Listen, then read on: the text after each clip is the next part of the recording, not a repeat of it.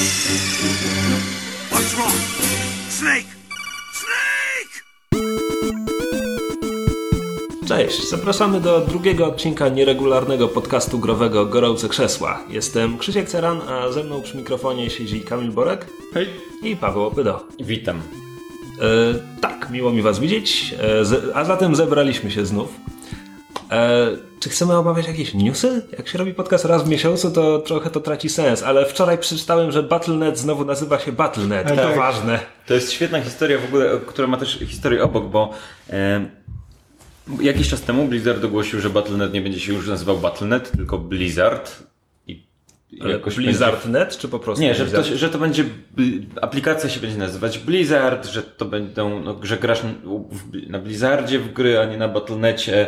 Jakby, że ta nazwa własna tego czegoś, co w sumie nikt do końca, sądzę, że nawet nie wie, czym jest Battle.net, bo to jest jakaś przestrzeń do grania, czy nazwa serw- grupy serwerów, jakby trudno nawet do końca opisać, czym jest No, Battle.net. wirtualne pole bitwy, przecież to Po oczywiste. prostu to coś, gdzie się gra w gry Blizzarda. E, Ale co jest ciekawe, e, potem jak oni to ogłosili, to nie wiem kiedy zapo- była zapowiedź Destiny 2. E, Pamiętacie? To było z, z No nie, z miesiąc, dwa temu. miesiąc, dwa temu.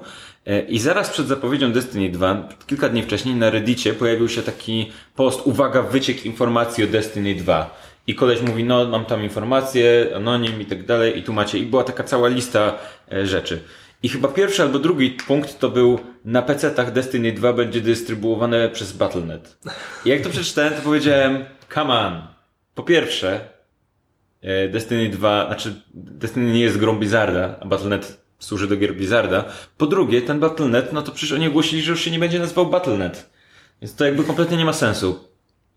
Yy, po czym się okazało, i więc przestałem czytać ten wyciek, po czym dwa dni później było pokaz Destiny i okazuje się, hej, Destiny 2 będzie pierwszą grą i planowo jedyną grą nie Blizzarda, która będzie przez Battle.net. Po czym miesiąc później okazuje się, że nazwa Battle.net została i się okazało, że w ogóle cały ten przeciek to była prawda.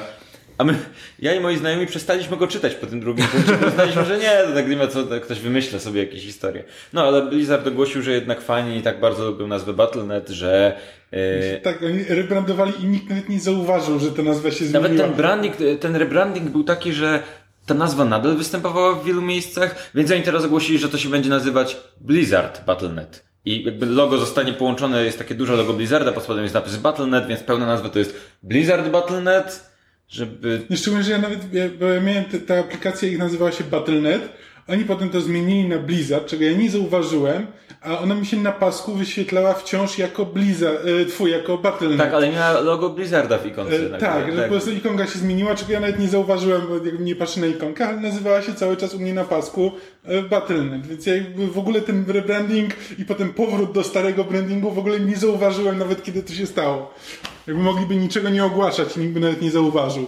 E, tak, e, a z innej beczki e, 7 listopada będzie dodatek do Horizon Zero Dawn, czyli grę, w której półtora z nas zagrało, w sensie przeszedłem całą, Kamil trochę, a ty nie, w ogóle. Bo nie ma jej na PC-tach. E, tak, więc będzie dodatek. E, 7 listopada nazywa się Frozen Wilds i zawiedzie Aloy, czyli główną bohaterkę. E, Myślałem, że można powiedzieć, że zawiedzie oczekiwania. Zawiedzie oczekiwania na, jak sama nazwa wskazuje, na mroźną północ był taki kawałeczek terenu w grze, gdzie zaczynał się śnieg, ale tam potem nic nie było, więc prawdopodobnie w tamtym miejscu gdzieś będzie można się przedostać e, przez góry na północ i Aloy będzie polowała na robodinozaury w śniegu i mm, Muszą materiały sugerują, e, materiały sugerują, że Będą się pewno, poruszały na płozach. materiały sugerują, że na pewno będą wielkie roboniedźwiedzie, No tak. E, więc jest duża szansa, ale sądzę, że jest duża szansa, że znajdą się też wielkie robomamuty. E, na razie chyba niewiele wiemy w ogóle o tym dodatku, poza tym, że w końcu pojawiła, że został pokazany na E3, że będzie tam śnieg i że pojawiła się teraz data premiery, ale no ja się jaram i tak. To jest jedyna gra na konsoli, w którą przyszedłem w 100%, w sensie dostałem achievement za platynę, czy jakkolwiek to się nazywa. Jestem nieachievementowy, jeżeli chodzi o konsolę, a y, uważam, że system achievementów na konsoli jest absolutnie głupi, bo nie ma skali. W sensie to jest off topic, ale być może ktoś z słuchaczy nam wyjaśni, mi wyjaśni, na czym to polega. Tylko ja mam ten problem. Jak gram w World of Warcraft i tam mam system achievementów, to te, te achievementy mają jakąś określoną ilość. Można zdobyć 20 tysięcy punktów achievementów, czy tam 20 parę tysięcy. Więc możesz bezpośrednio porównać doświadczenie jednego gracza do doświadczenia drugiego gracza na podstawie tego, ile ma punktów achievementów, bo widzisz, ile zrobił w grze.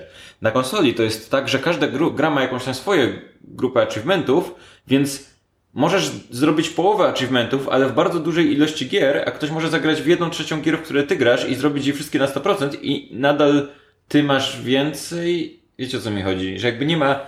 To nie jest równa skala. Tak, ale da- damy w ogóle jakby system achievementów. Więc kompletnie nie wiem, co, ten, co te achievementy mają mi dawać, bo nie pozwalają mi się porównać z innymi graczami. No właśnie nie dają mi, bo nie mogę się porównać z innymi graczami, bo wiem, że może ten ktoś akurat zagrał w grę, w której achievementy są łatwiejsze. Jakby. A wiesz, chyba sam fakt, że aż tak Porównuję- o tym myślisz, to jakby świadczy, że achievementy nie są dla ciebie, bo achievementy są dla ludzi, którzy po prostu chcą patrzeć, że okej, ja mam taką cyferkę, a ktoś inny ma niższą cyferkę. Ale nie, no więc... to właśnie ja, ja jestem kimś takim, bo ja widziałem, jak bardzo w World of Warcraft mi na tym zależało, tylko że tutaj mam takie coś, że mój umysł nie pozwala mi porównać dwóch cyferek, jeżeli wiemy, że każdy z graczy, w zależności od tego, w jakie gry grał, to ma zupełnie inną skalę i te cyferki, cyferki dla niego znaczą coś zupełnie innego. Jakby to nie jest to samo. I... Znaczy, tylko, że znaczy, to tak naprawdę ma.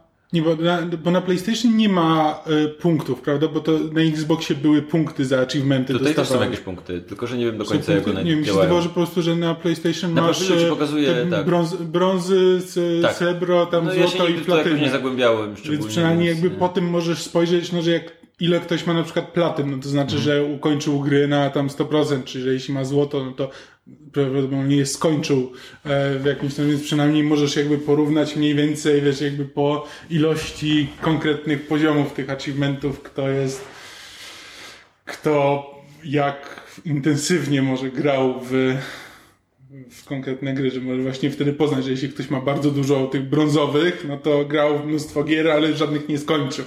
A jeśli ma mnóstwo złotych, no to... Pewnie mam mnóstwo brązowych. Głównie dlatego, że, że zawsze omijam wszelkie, wszelkie segmenty związane ze znajdźkami, jakimś tam szukaniem jakichś szant. Szukanie szant w Assassin's Creed to była najbardziej idiotyczna rzecz. Czy ktoś szukał tych szant? Czy wy szukaliście szant? Nie. Znaczy, wiesz co, ja... Czuję, że ja grałem w Assassin's Creed. e, Assassin's Creed to jest jedna z gier, w której ja gram bez dźwięku, bo zawsze oglądam coś w tle, bo to nie jest gra, na której ja się jestem w stanie po prostu stuprocentowo skupić, bo, bo, bo wtedy by do mnie dosz, doszedł co, bezsens tego, co To, robię. to, nie jest, to nie jest tak, że ja szukałem szant. E, ja oczywiście nie, nie, nie ukończyłem tego na 100%. Ja w ogóle nie ukończyłem Black Flaga, ale trochę sobie w niego pograłem. Ja nie szukałem szant po to, żeby, żebym miał większy repertuar szant na statku, tylko po prostu jak szedłem sobie ulicą miasta i widziałem, że patrz, tam na dachu jest ta powiewająca karteczka, no to jest po prostu taki krótki wyścig, takie, takie krótkie, okej, czy uda mi się ją złapać? Może mi się uda, może mi się nie uda. Nie szukałem ich, no bo nie przechodzę gier na 100%, ale to, mo- to mogła być kwestia tego, że w Black Flagu pływanie statkami było fajne, a chodzenie po miastach było nudne, a, a gonienie tych karteczek było czymś do zrobienia w mieście. I dlatego jakoś to dla mnie działało tam. Kumam. E, No, więc, więc tyle w kwestii Horizon. ja, mnie teraz tylko zastanawia, czyli jeżeli, jeżeli mam tą jedną, jedyną, jedyną platynę w moim życiu z Horizon, to wyjdzie dodatek i tam będą nowe achievementy i od, zabiorą mi tą platynę i będę musiał znów coś tam dobić? Bo ja... Nie, bo dodatki mają chyba własne, własną pulę To byłoby miłe, bo, bo, bo już się na Wiedźminę zdenerwowałem, jak się okazało, że mi dodali nowe znajdźki i potem, a miałem już wszystkie znalezione, wszystkie pytajniki na mapie odkryte, po czym wyszedł dodatek, hej, patrz, nowe pytajniki. Ja już, już nie chciałem. E, No. No, i tak podziwiam, że się chciało tym- po tych mamy jeszcze, jakieś, latać. mamy jeszcze jakieś newsy, czy, czy przechodzimy do rzeczy, które ograliśmy? Przejdźmy do rzeczy, które ograliśmy. Ano. To co ostatnio ograliście? Mm, Ja mam listę kilku rzeczy, ale one nie są chyba duże. Nie, podobnie.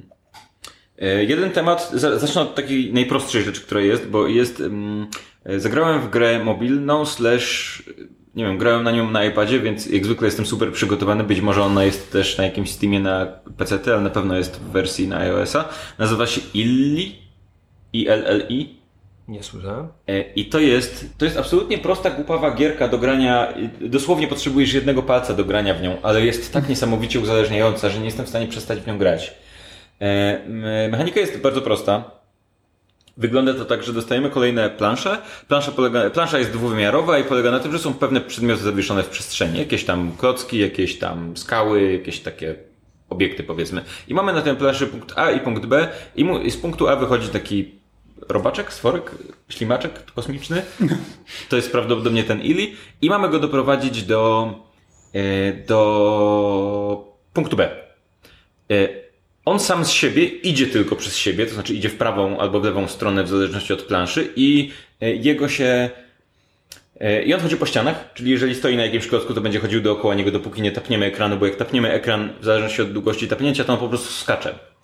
Przy tym, e, co jest istotne, grawitacja działa w tej grze w odniesieniu do tego robaczka. To znaczy, jeżeli on idzie po poziomej ścianie i klikniemy, no to yy, i tapniemy ekran, to on skoczy, ale jeżeli idzie po pionowej ścianie i tapniemy ekran, to on nie spadnie z niej w dół, tylko skoczy tak jakby grawitacja była w bok. Nie wiem, czy Okej. sobie to wyobrażacie. To jakby gra, grawitacja zależy od tego, od, od, perspektywy tego robala, który sobie chodzi, więc musimy na chwilę wyobrażać sobie, że okej, teraz dół jest in, do góry, albo bo on idzie akurat od spodu po jakiejś ścianie. I no i jedyne co musimy zrobić, to zrobić taką sekwencję skoków, e, mm, żeby doprowadzić go do punktu B. Potem na planszach się pojawiają dodatkowe rzeczy, jak na przykład jakieś kolce, na które musimy przeskakiwać, albo jakieś e, portale, albo jakieś przyciski, które trzeba nacisnąć zanim się przejdzie. Plus każdy etap ma kilka e, questów wewnątrz, to znaczy poza przejściem do punktu, z punktu A do punktu B, to musimy na przykład przejść go w jakimś określonym czasie, albo przejść go zbierając wszystkie gwiazdki na, na planszy, albo przejść go wykonując jakiś skok, bę- będąc w powietrzu ileś tam sekund w jednym skoku, to znaczy, że wiemy, że okej, można, jakby te, te questy robi się, można zrobić w kilku przejściach. E, One z reguły wykluczają się nawzajem. Jeżeli jest na przykład wymagany jakiś długi skok, to znaczy, że musimy przejść tą planszę tak, żeby gdzieś mieć okazję do tego, żeby przeskoczyć z jednego końca na drugi, tak żeby on był na przykład dłużej niż 3 sekundy w e, powietrzu. E, I to się wydaje, to jakby to brzmi, to, to jest prostsze niż jak się to próbuje opisać, zdecydowanie, ale jednocześnie jest tak uzależniające. To jest, to jest dosłownie gra, którą wyciągasz telefon i tapiesz tylko na ekran. To jest jedyne co robisz. Nie ma tam nic więcej poza klikaniem w odpowiedniej sekwencji, ale jest to prześlicznie zrealizowane e, i, i bardzo wciągające. Więc polecam. E, Wujek Google mi mówi, że jest tylko na Androida i iOS. Tak, więc jeżeli macie telefony, to ściągnijcie. Chyba jest nawet darmowa ta gra, być może? Albo ja ją kupiłem na jakiejś promocji w App Store, w sensie był, kupiłem.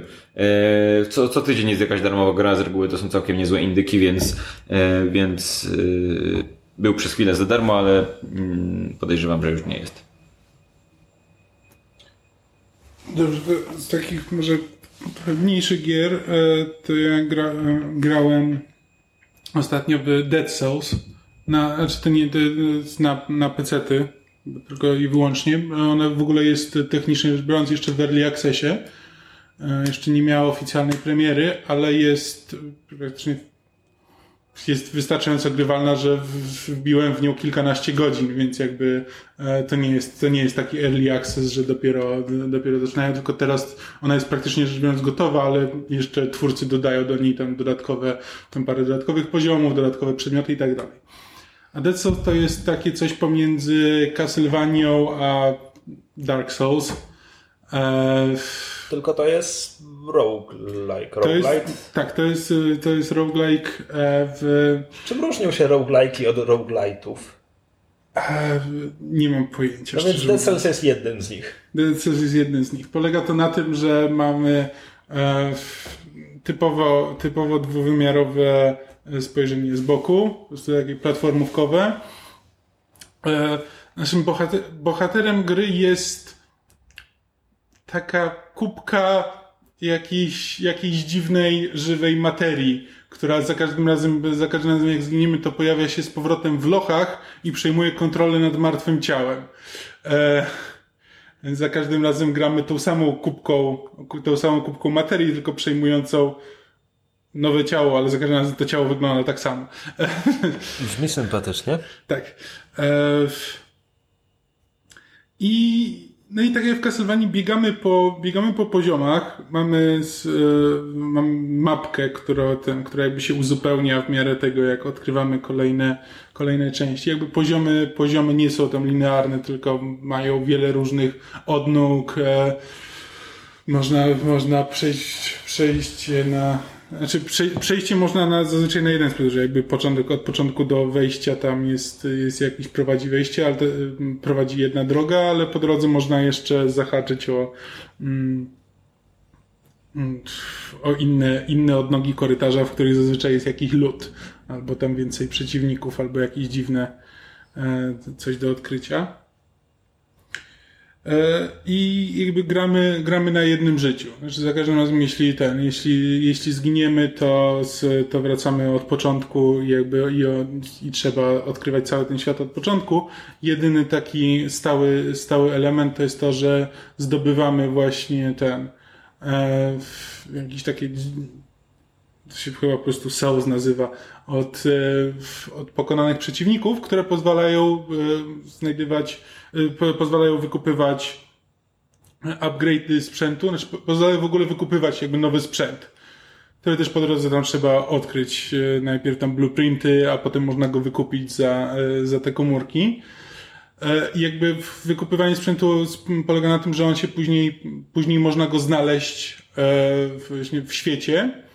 E, No i można też go ulepszyć, że za każdym razem, jeśli znajdziemy, że jeśli ulepszymy w, e, pomiędzy, pomiędzy poziomami e, ulepszymy jakiś przedmiot, to za każdym razem, kiedy go znajdziemy w, w świecie, no to on będzie tam o te 5, 10 czy 15% silniejszy. Aha, czekaj, czyli wykupujesz ulepszenia, ale to nie jest tak, że możesz sobie potem je wybrać na początku Nie. następnej rozgrywki. Po prostu za każdym razem i właśnie na tym polega ta gra, że e, jakby zwiedzasz te poziomy i znajdujesz losowo wybrany, losowo wybrany sprzęt z, ty, z tego sprzętu, który odblokowałeś, więc jakby masz, masz pewien jakby, e, że możesz, możesz sobie jakby zdecydować właśnie w którą stronę, w którą stronę chcesz iść, jakie, jakie konkretnie przedmioty chcesz odblokowywać e, i które ci jakby sprawiają najwięcej radochy.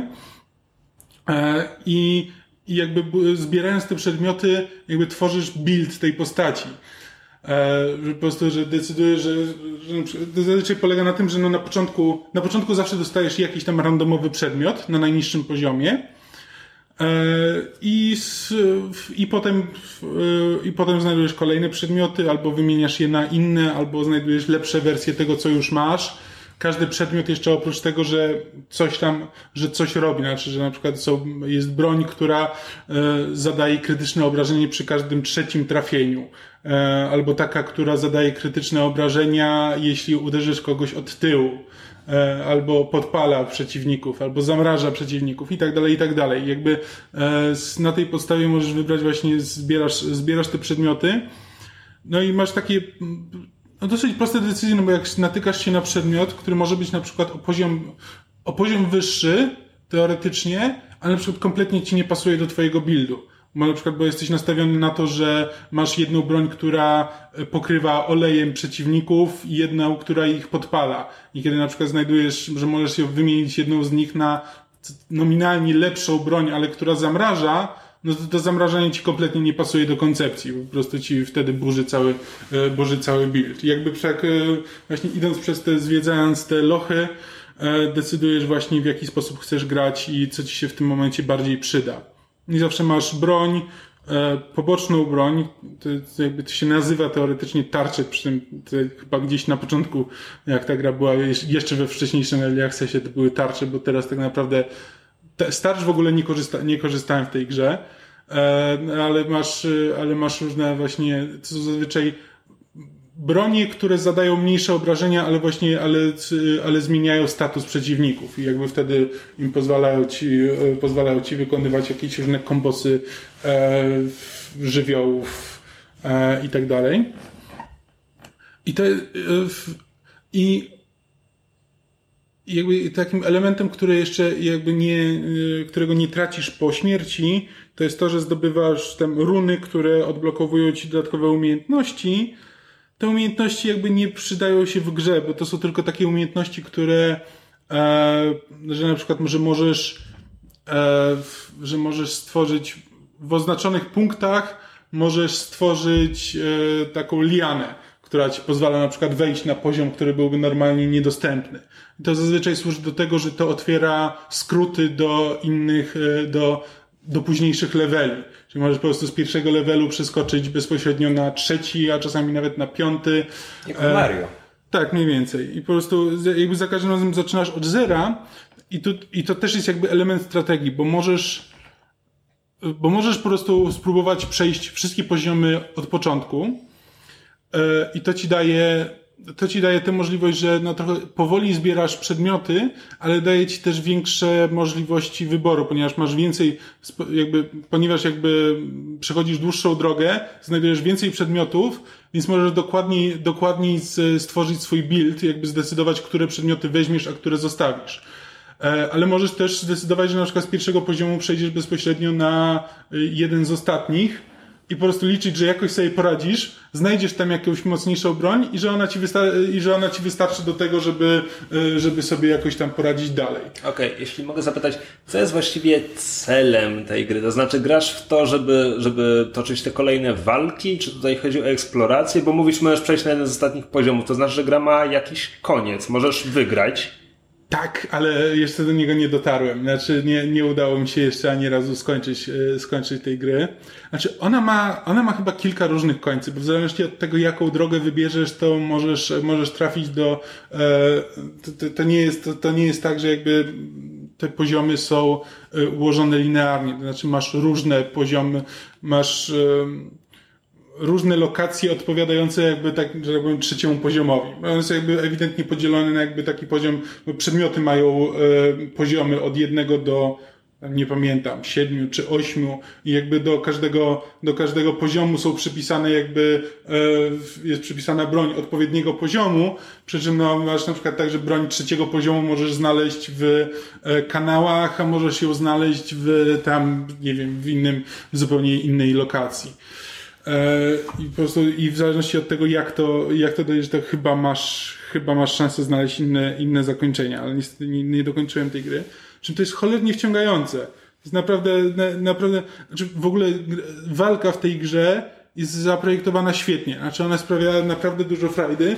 To się głównie opiera na tym, że e, masz e, takiego typowego kombatrola, podczas którego jesteś, jesteś nieśmiertelny, więc możesz przeskakiwać pomiędzy, p- pomiędzy przeciwnikami, e, właśnie zadawać im, zadawać im obrażenia nadające im odpowiedni status po to, żeby ich przygotować na to, żeby ich uderzyć e, inną bronią. E, masz tam dodatkowe umiejętności, które też ci, te, też ci to ułatwiają i to, e, i masz za każdym razem bardzo dużo możliwości zarówno taktycznych jakby w walce, jak i strategicznych co do tego właśnie, w którą stronę pójdziesz, jak, e, jak tym razem będzie wyglądał ten twój run. I on za każdym razem będzie wyglądał trochę inaczej. Po pierwsze dlatego, że poziomy są generowane e, proceduralnie, więc za każdym razem wyglądają inaczej, a poza tym za każdym razem możesz zdecydować, że tym razem pójdziesz trochę inną trasą i spotkasz inne, inne trudności, znajdziesz inne przedmioty i ten twój build będzie wyglądał inaczej. e, Sposób gry i ten twój sposób gry będzie musiał się do tego dostosować. Nie bardzo.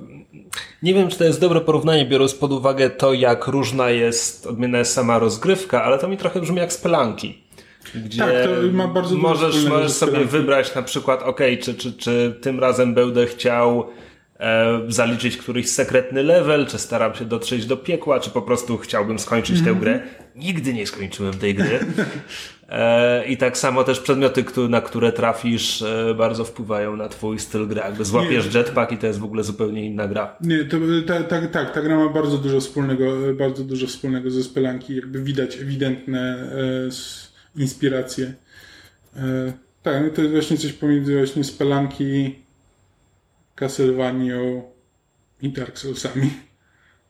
I przy tym właśnie też jakby z Dark Soulsów też bierze trochę sposób opowiadania historii, bo tak naprawdę tam nie ma historii. Znaczy właśnie budzisz się po prostu jako ten trup, ludzie do ciebie mówią, e, różne rzeczy, różne dziwne rzeczy, ale nie wiesz właściwie o co chodzi. Jakby bardziej e, musisz się domyślać z, e, z, różnych, z różnych rzeczy, które zachodzą i bossów, których spotykasz, niż z tego, że e, gra ci, w którym to nie ma żadnych cutscenek ani nic takiego, więc tylko domyślasz się o co może chodzić dalej. Nie wiem, jak ją przejdę, to może się dowiem o co chodzi. Ale, ale polecam bardzo mocno, bo naprawdę nie, nie spodziewałem się, że aż tak mnie wciągnie. Ja po prostu zacząłem w to grać i e, przez, e, przez 2-3 tygodnie to było praktycznie jedyne, w co grałem. Brzmi spoko. Paweł, tu mówiłeś, że masz jakąś całą listę. E, tak. Zagrałem w grę, która się nazywa Serial Cleaner. Okej? Słyszeliście o tym? Czy To jest to, ostatnio było o gdzie czyścisz miejsca zbrodni? Tak, to jest polska gra, w której y, zajmujesz się y, sprzątaniem na miejscach zbrodni y, w, w Ameryce lat 70. Y, I najprościej wytłumaczyć to w ten sposób? No Nie wiem, czy ty Krzysiek, bo ty możesz myśleć o tym Viscera Nie, Cleaning nie, nie, bo już, już przypomniałem sobie, że są dwie takie gry, tak. Je- Najprościej wytłumaczyć to w ten sposób. Hotline Miami, tylko zamiast mordować ludzi, to skradasz się między nimi i wynosisz rzeczy do samochodu. E, e, Ale to jest dokładnie ta sama mechanika. E, Cze- Czemu musisz się składać pomiędzy ludźmi? Nie, bo to wygląda tak, że przyjeżdżasz na miejsce zbrodni. Bo z jakiegoś powodu w tej grze to, to, działa w ten sposób, że ktoś jedzie z mafii, zamorduje kogoś, zostawia na miejscu ciało i dowody. A, bo ty jesteś mafijnym cleanerem. Tak, Dobra, a, ty, okej. a ty przybywasz w swoim, w swoim Cadillacu na miejsce zbrodni, gdzie się kręcą policjanci i masz wynieść z reguły na przykład dwa ciała i jakieś, jakieś coś, na na przykład narzędzie zbrodni, którego Aha. ktoś nie wyniósł mordując, tylko... No zapomniało mu się. Mafiozi mu mają wiele na głowie. Różnie to bywa. Chyba, że to są zbrodnie w, w afekcie, to trochę inaczej może. Nieważne. W każdym razie wszystko to wygląda...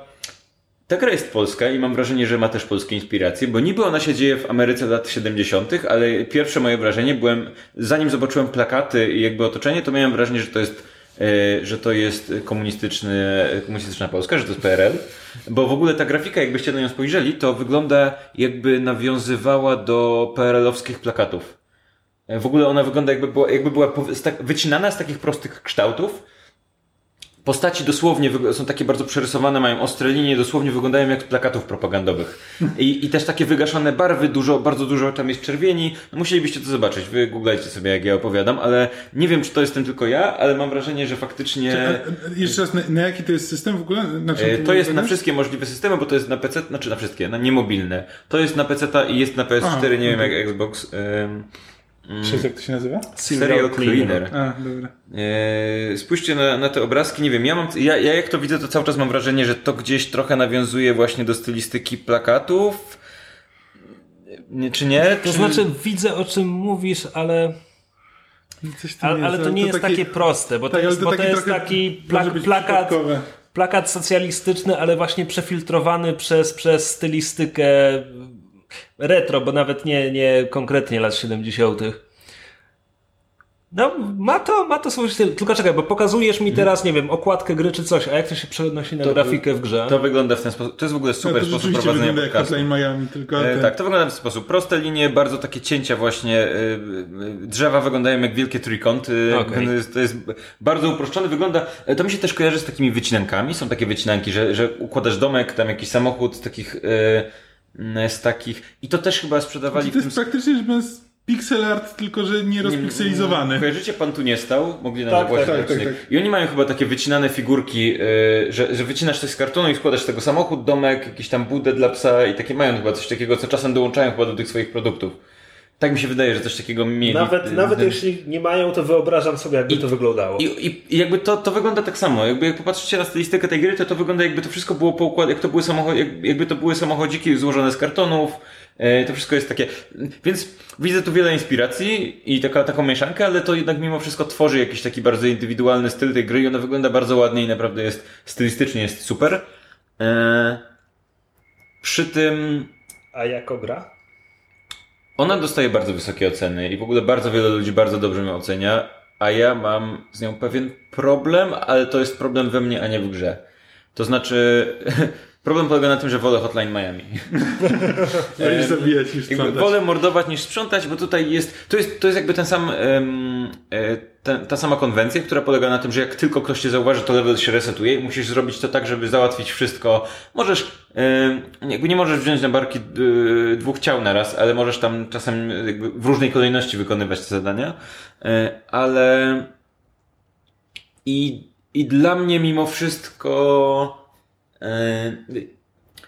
w wielu momentach wydawała mi się ta gra nieco irytująca i wymaga od ciebie często czegoś takiego, że musisz gdzieś stanąć i przez 30 sekund czekać, aż jakiś gliniarz gdzieś przejdzie, bo to jest dobry moment, żebyś ty podniósł ciało i przeszedł gdzieś tam z nim ten. Dobra, ale tak się zdarza w skradankach. Tak, i to jest, i, i Dlatego mówię, że to jest moja wina. Dla mnie ta gra momentami troszkę ma zbyt małe tempo, zbyt wiele tam jest takiego czekania i wpatrywania się w ten level i czekania, no już idź, już idź, już idź, już bo muszę przejść. I wiem, że to jest coś, co musi być w skradance, bo na tym polega skradanka, ale mimo wszystko jakby z, z tych... Akurat No, odpaliłem ten... to ważniejsze pytanie y, w takim razie, czy jak wygląda system save'ów?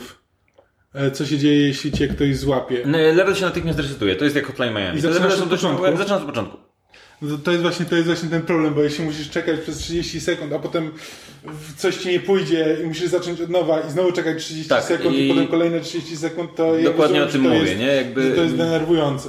W Hotline Miami jest tak, że yy, ten, ten, te levely też się resetują natychmiast, jak tylko ktoś, nie wiem, uderzy cię, bo cię No tak, zabije tylko że. Hotline Miami jest takie, że tam po prostu się nie zatrzymuje Tak, tam się nie czas. zatrzymujesz. A tu jest tak, że ta gra wymaga dość sporo zatrzymywania i może nie jest to, bo mnie bardzo irytują wszelkie Soulso-podobne gry, właśnie przez Mhm. to, że bardzo się muszę cofać. I to nie jest jeszcze ten poziom irytacji, ale mimo wszystko właśnie to jest to, co mówisz. Czasem musisz przejść gdzieś, poczekać i tak dalej, i tak dalej, po czym ops, popełniłeś błąd, zacznij od nowa.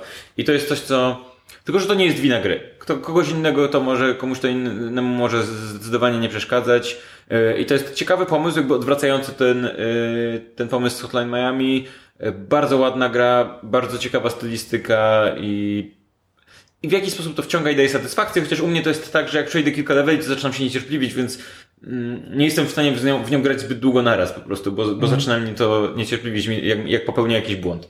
E, Ale polecam mi tak sprawdzić, bo jest bardzo fajna i bardzo sympatyczna i polska, więc trzeba wspierać, bo jesteśmy prawdziwymi patriotami, no nie? No ba. Mm, e, Czy To ty kiedy, to kiedy zagrasz w Hatred? O, ojej, ojej. E, Czy ty masz jakiś duży temat? Bo ja chciałem jeszcze jednej rzeczy podpowie- To dawaj. podpowiedzieć i ten. Otóż y, zbieram się do tego od pewnego czasu i zbieram doświadczenia. Otóż y, g- grywamy ostatnio w hopy od Artifix Mundi. Czy dobrze powiedziałem nazwę tego studia? E, Studia tak, ale masz na myśli Hogi? Hogi. E, Hidden Object Game? puzzle. To może są dwie nazwy na ten sam gatunek, bo ja to znam jako ja hopy. to zawsze nazywałem Hogiem. E, Hogami. ja to znam jako hopy i e, Natalia z Artifix Mundi napisała ostatnio hopy do mnie, czyli że to też jest, e, chyba, że miała na myśli hopie. Aha. Nie, więc to no, chyba ma sens, no, wydaje mi się, że... nawet ma większy sens niż Hog. E, czy wy macie doświadczenie z tymi grami, czy...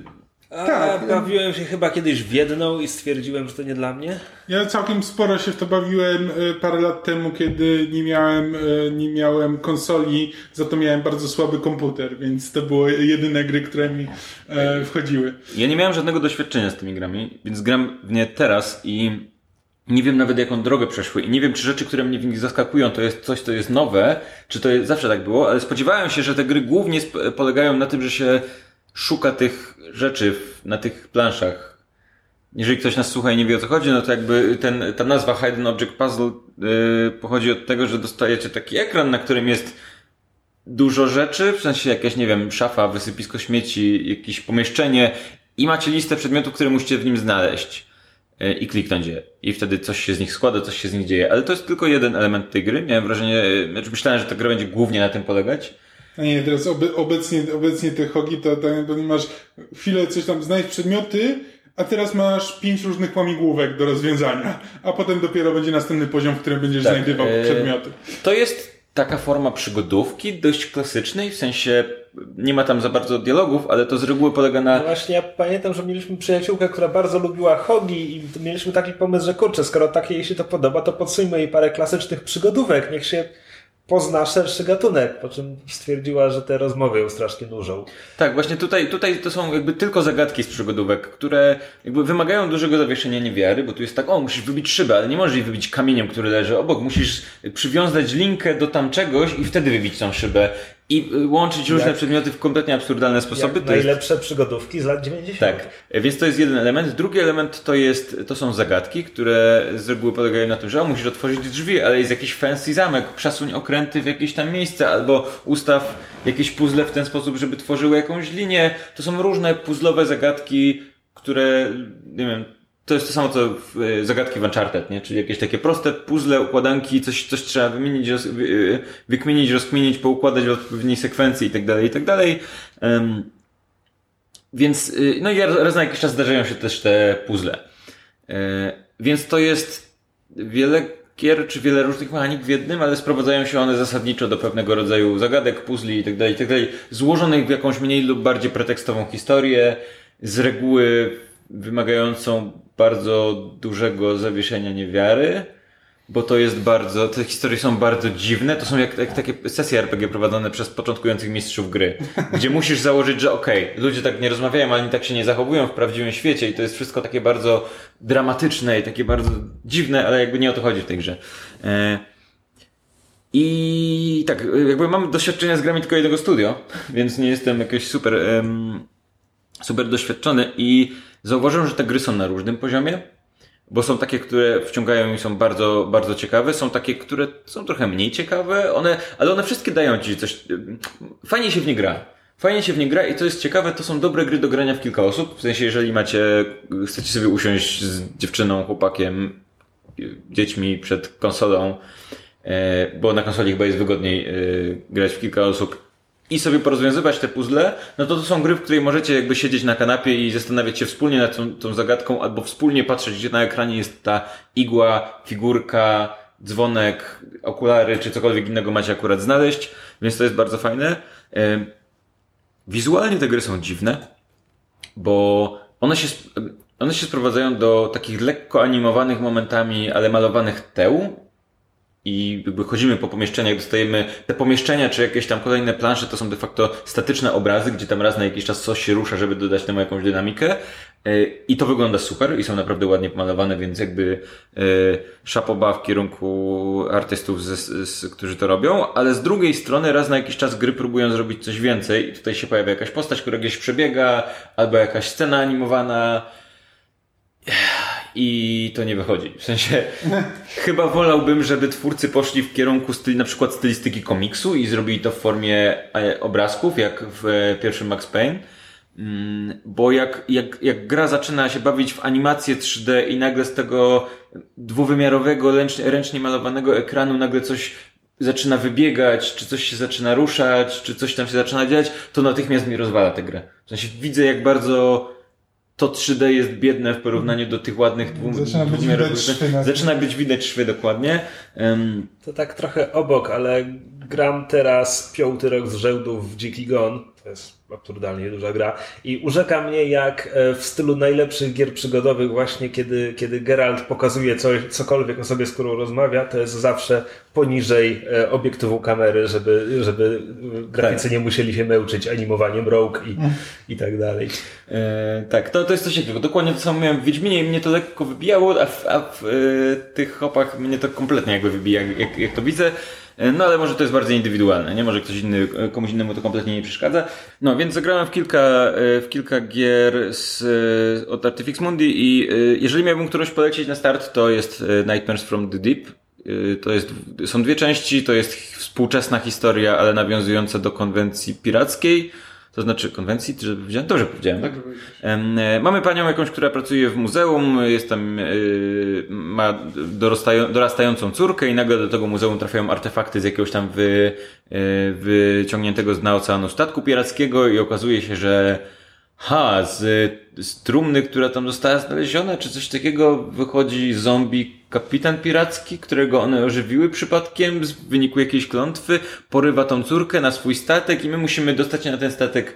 Tam są zombie piraci. To jest w klimatach piratów z Karaibów, są zombie piraci, chodzimy po tym statku, są różne dziwne rzeczy, e, ale, ale jest to ładne, ciekawe, fajne. E, Niektóre z tych gier są, te gry są nierówne, niektóre są zdecydowanie krótsze od innych, albo Każda z nich opiera się na jakiejś bardzo konkretnej stylistyce, więc jest na przykład taka, która jest oparta o, o słowiańskie baśnie, powiedzmy. E, Jest taka, która jest trochę jak, jak fantazy miasteczko Twin Peaks. Coś takiego. Gdzie jest pani detektyw, która też chodzi po tym, po mieście i tam kogoś. No, każda z nich jest jakby, czerpie z innej trochę konwencji. I tak naprawdę nawet te, które są gorsze, dają sporo, sporo przyjemnej zabawy, takie relaksujące. To nie jest gra, to nie są gry, z której wyciągniecie jakąś niesamowitą, ambitną historię, albo, albo które czegoś was nauczą, jakby w żadnym przypadku, w żadnym wypadku, ale to jest takie przyjemne do tego, żeby usiąść, zrelaksować się, e, jak rozwiązywanie krzyżówek, tylko ładniejszych, więc e, polecam, jakby ktoś miał okazję, to, e, to może brzmieć jakbym cisnął e, tym grom, ale one są naprawdę fajne, w, w, w, fajne w ramach tego, czym są, więc Ja grałem bodajże z Artifex Mundi, grałem chyba, to się chyba nazywało Enigmatis. Mhm. Takiego, takie steampunkowo właśnie mocne. E, I to, to było naprawdę fajne. Znaczy ja to miałem sobie ten na tablecie i grałem w to głównie jak pociągami musiałem gdzieś jeździć. E, I to właśnie była ten, całkiem, całkiem przyjemna gierka. A przy tym też to, co warto pochwalić przy Artifex Mundi, to że przynajmniej jakby gry Artifex Mundi są zawsze dobrze przetłumaczone. Znaczy jeśli ktoś chce grać po polsku szczególnie, E, bo ja pamiętam, że kiedyś grałem w jakąś inną właśnie grę, po prostu przetłumaczoną na polski, prawdopodobnie przez jakieś rosyjskie studio, jak to zazwyczaj ma e, zwyczaju. E, W sensie amerykańskie studio, które wynajmuje rosyjskie, rosyjskie biuro tłumaczeń, żeby zatrudniło polskich tłumaczy do tego, żeby przetłumaczyli tę grę. E, To, to parokrotnie się jakby rozbijałem o to, że na przykład gra mi mówiła, okej, szu- szukasz kompasu. No i ja szukam tego kompasu. I nie ma tego kompasu nigdzie. Bo, bo w oryginale chodziło o kompas, czyli to taką, taki jakby cyrkiel e, kar, kartograficzny, e, to jest- który jest zupełnie innym przedmiotem. Ale no, ja, ja już jestem przyzwyczajony, że jak gram w angielskie gry, to jak widzę kompas, to to może znaczyć dwie rzeczy. E, natomiast jak, już, jak widziałem po polsku, to w ogóle mi nie przyszło do głowy, żeby, żeby o tym myśleć. I tego typu, tego typu kwiatki się zdarzają, gdzie jakby wiesz, po prostu polskie, jakby polskie tłumaczenie nie ma, nie ma nic wspólnego z tym, co, z tym, czego tak naprawdę szukasz, a przynajmniej jak w Artifex Mundi, ponieważ to jest polskie studio, to masz większą pewność, że e, będzie dobrze. No tu, y, w tych grach często się znowu pojawia taka dwuznaczność, ale ona jest jakby intencjonalna, w sensie polegająca na tym, że, że to, to hasło, którego masz szukać, to niekoniecznie jest to, co ci jako pierwsze przyszło do głowy, że to będzie to, bo często to może nie być faktyczny przedmiot, tylko jakiś rysunek, albo często przedmioty mają tą samą nazwę i tu jakby widzisz, że że, że to jest czasem trochę takie odwrócenie, że na statku pirackim dostajesz tam coś, co ci się prawdopodobnie od razu skojarzy z tym faktycznym przedmiotem, a to jest coś innego, co akurat nazywa się tak samo. No więc, ale to jest jakby intencjonalne i często tak, tak, jakby to- to jest jakby nie? No, więc y, to tyle, jeżeli chodzi. Bardzo dziękuję w ogóle, bo, bo kilka z tych gier dostałem od, y, od twórców, więc miałem okazję pograć więcej niż prawdopodobnie sam bym sobie kupił. Więc to jest trochę, seg- to, trochę sponsorowany segment podca- podcastu, poniekąd. E, Ale dobra, może powiedzmy, po, pozwólmy Krzyśkowi coś powiedzieć, bo widzę, że on jakby oddaje nam głos, bo czuję, że on ma jakiś duży temat. I tak jak ostatnio opowiadał o... Wiesz co, to, to swoją drogą, natomiast obok tego, odkąd powiedziałeś o tym przekombinowanym wybijaniu okna, po prostu myślę o najgorszych zagadkach w grach przygodowych, które miałem.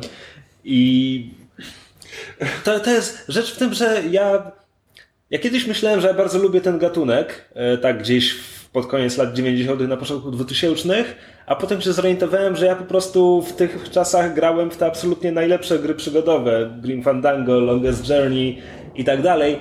A, a tak zasadniczo taka przeciętna przygodówka mnie właśnie drażni, irytuje i, i tak dalej. To nie zmienia tego, że absolutnie najgorsza zagadka, jaką, na jaką w życiu trafiłem w grze przygodowej, jest w moim ukochanym Grim Fandango. Bo w pewnym momencie wracasz do miasta, które opuściłeś rok temu i chcesz odzyskać swój samochód z garażu, ale samochód jest zaminowany. I to jest ogromna pułapka, która polega na tym, że ktoś ustawił tysiące kostek do mina i jak tam nie możesz tam wejść, bo jeszcze coś potkniesz i wtedy one się przewrócą i odpalą ląd i, yy, i A. wszystko wybuchnie. Czyli jest zadominowany.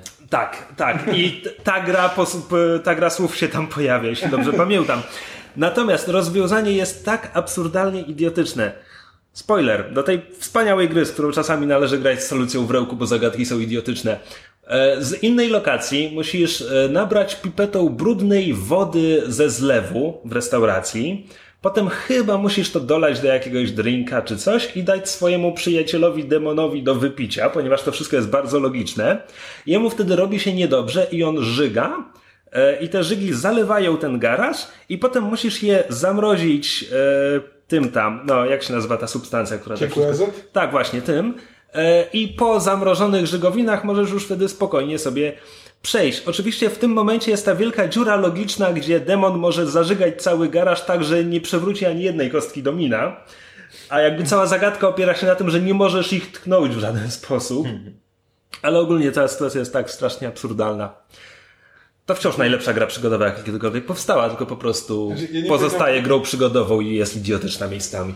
Nie pamiętam konkretnej sytuacji, ale pamiętam, że próbowałem, parę razy podchodziłem do e, Summon Max, tego oryginalnego. No ale to w ogóle jest w krainie absurdu. Tak, to, to jest tak bardzo w krainie absurdu. Jakby nie pamiętam konkretnych zagadek, ale tam po prostu za każdym razem, kiedy próbowałem grać w to normalnie, jak Pan Bóg przekazał, bez solucji, to po prostu rozbijałem się o to, że potem jak, sprawdza, jak sprawdzałem rozwiązanie, to po prostu mi szczęka za każdym razem opadała i zastanawiałem, jak normalny, sprawnie funkcjonujący ludzki umysł miałby dojść do, e, dojść do tych rozwiązań. A z kolei ten, w Creighton Crowbar tam bardzo często przywołują przykład tam jakiegoś ich znajomego, który grając Monkey Island, e, to jest moment, w którym trzeba zebrać tysiąc, e, tysiąc tam złotych monet, tych pieces of eight. E, co można jakby zrobić tam w którymś momencie, masz szansę je zarobić normalnie. Ale jest też moment, w którym możesz, e, jeśli wypolerujesz e, sztuczną nogę jakiemuś piratowi, to on ci daje jedną, jedną monetę. I można to robić w kółko. Więc on tysiąc razy polerował tę nogę, bo myślał, że to jest rozwiązanie tej zagadki. No, że skoro potrzebuje tysiąca, a tutaj dostaje po jednym za każdym A to razem. działa? W sensie jesteś w stanie to Tak. tak. Okej. Okej. E, No ja, e, ja jako dzieciak ledwo to pamiętam jak za mgłą, ale pamiętam, że e, zagrywałem się we wszystkie King's Questy, co nie wiem jak to się działo, bo pamię pamiętam, że te gry były absolutnie absurdalne w kwestii zagadek, ale i tak grą, ale chyba miałem po prostu wtedy dużo czasu i klikałem wszystko na wszystkim, aż mi się udało. E, Ale pamiętam, że grą, która mnie striggerowała, jeżeli chodzi o to i, i nigdy jej nie przyszedłem, mimo że podchodziłem kilka razy, to była ta przygodówka, to była, chyba była niemiecka przygodówka, Jack Orlando, Tak. nawiązująca do, znaczy w, styli, w, w, Noirowa. tak. noirowa i i to była gra, w której dało się zebra, zbierać wszystko wokół i dla mnie to, to jest dla mnie taki symbol właśnie absurdalnych y, zagadek w przygodówkach, gdzie dosłownie y, dość, że wszystkie zagadki, że, że mało b- było tam bardzo wiele zagadek właśnie polegających na tym, że musisz użyć jakiegoś kompletnie absurdalnego przedmiotu nie w ramach jakiejś logiki, tylko po prostu jak to się stanie, to może, to, to jakby to ma retroaktywnie sens, ale nie jesteś w stanie tego przewidzieć, co się dzieje tak w tej twojej historii z Domino.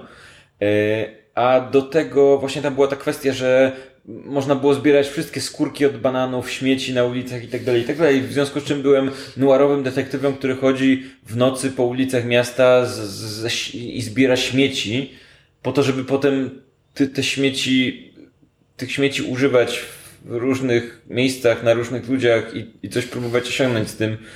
I pamiętam, że, że podchodziłem do tej gry dwa albo trzy razy i za każdym razem zatrzymywałem się w którymś miejscu, bo po prostu zbyt, zbyt mnie to irytowało wszystko i no może byłem za młody, może dzisiaj bym na to wpadł lepiej. Pamiętam też, że yy, Książę i Tchórz to była, to była chyba Była. polska gra. I pamiętam, że tam też było sporo różnych dziwnych zagadek, tylko że ona znowu, jakby Jack Orlando mnie bardziej irytował, dlatego że ta gra była na poważnie.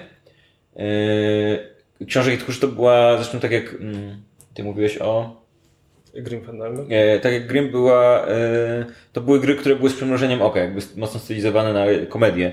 E, a Jack Orlando był poważną grą i ten poważny detektyw, który zbiera te skórki od banana i, i tam rozdaje je ludziom i próbuje coś z nimi zrobić i gdzieś je położyć i, i coś tam, to jakoś mi kompletnie wybijało i dlatego to, to nie wiem, jakoś mam, mam jak, jak myślę gra przygodowa z dziwnymi zagadkami, to mi się od razu kojarzy Jack.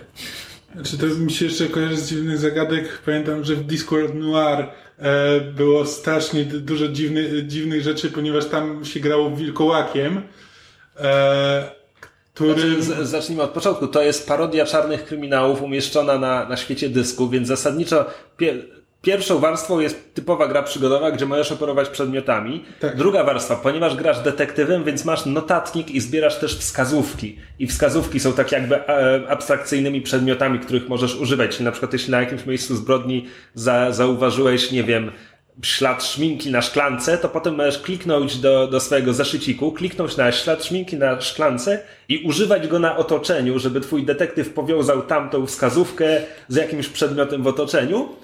A potem w połowie gry zamieniasz się w wilkołaka i dochodzi ta trzecia warstwa, gdzie jeszcze zbierasz zapachy. E, Więc możesz wiązać przedmioty z, z ekwipunku, ze wskazówkami z dzienniczka, z zapamiętanymi zapachami. Tak, więc to jest w ogóle jakiś taki absurd, gdzie nawet jeśli się domyślisz, o co chodziło twórcom i co masz zrobić w tym, to jeszcze musisz się domyśleć, czy, czy, masz, te, czy masz do tego użyć jakiegoś ko- konkretnego przedmiotu, czy wskazówki, czy może któregoś z zapachów, które zebrałeś po drodze. I to się robi już tak, wiesz, tak absurdalne i tak ciężkie do ogarnięcia umysłem, e, że no, to, to była fajna gra. Ja pamiętam, że mi się w to przyjemnie grało i tam była, tam naj- była całkiem najlepiej- niezła historia, jakby dobrze, dobrze napisana. Najlepiej grać z solucją. Ale Zresztą i, i Discworld Noir i, i Grim Fandango to jedne z najlepszych e, remake'ów Casablanki na komputerowych. E, I po tym krótkim interludium e, tematem, który właściwie chciałem poruszyć je, jest gra Sleeping Dogs, e, która została wypuszczona 5 lat temu i w tym momencie nie pamiętam już jakie studio ją zrobiło. Pamiętam, że historia była taka, że oryginalnie miało to być Miała to być kolejna gra z cyklu True Crime. To miało być True Crime Hong Kong, tylko potem nie wiem, czy poprzednie studio padło, coś się stało i ostatecznie wyszła z tego zupełnie osobna gra która jest e, zasadniczo jest takim mniej więcej Grand Theft Auto współczesnym, czyli od trójki w górę, tylko umieszczonym właśnie w Hongkongu, e, które próbuje nawiązywać do tamtejszego kina akcji. Właściwie powiedziałbym, że dość konkretnie do, do Infernal Affairs, bo główny bohater, którym gramy, Wei Shen, e, oczywiście wspina się po szczeblach miejscowej mafii, przepraszam, triady, E, no bo to wciąż klon Grand Theft Auto, ale tak naprawdę w sekrecie jest e, policjantem, który działa pod przykrywką i chce od środka rozbić te triady.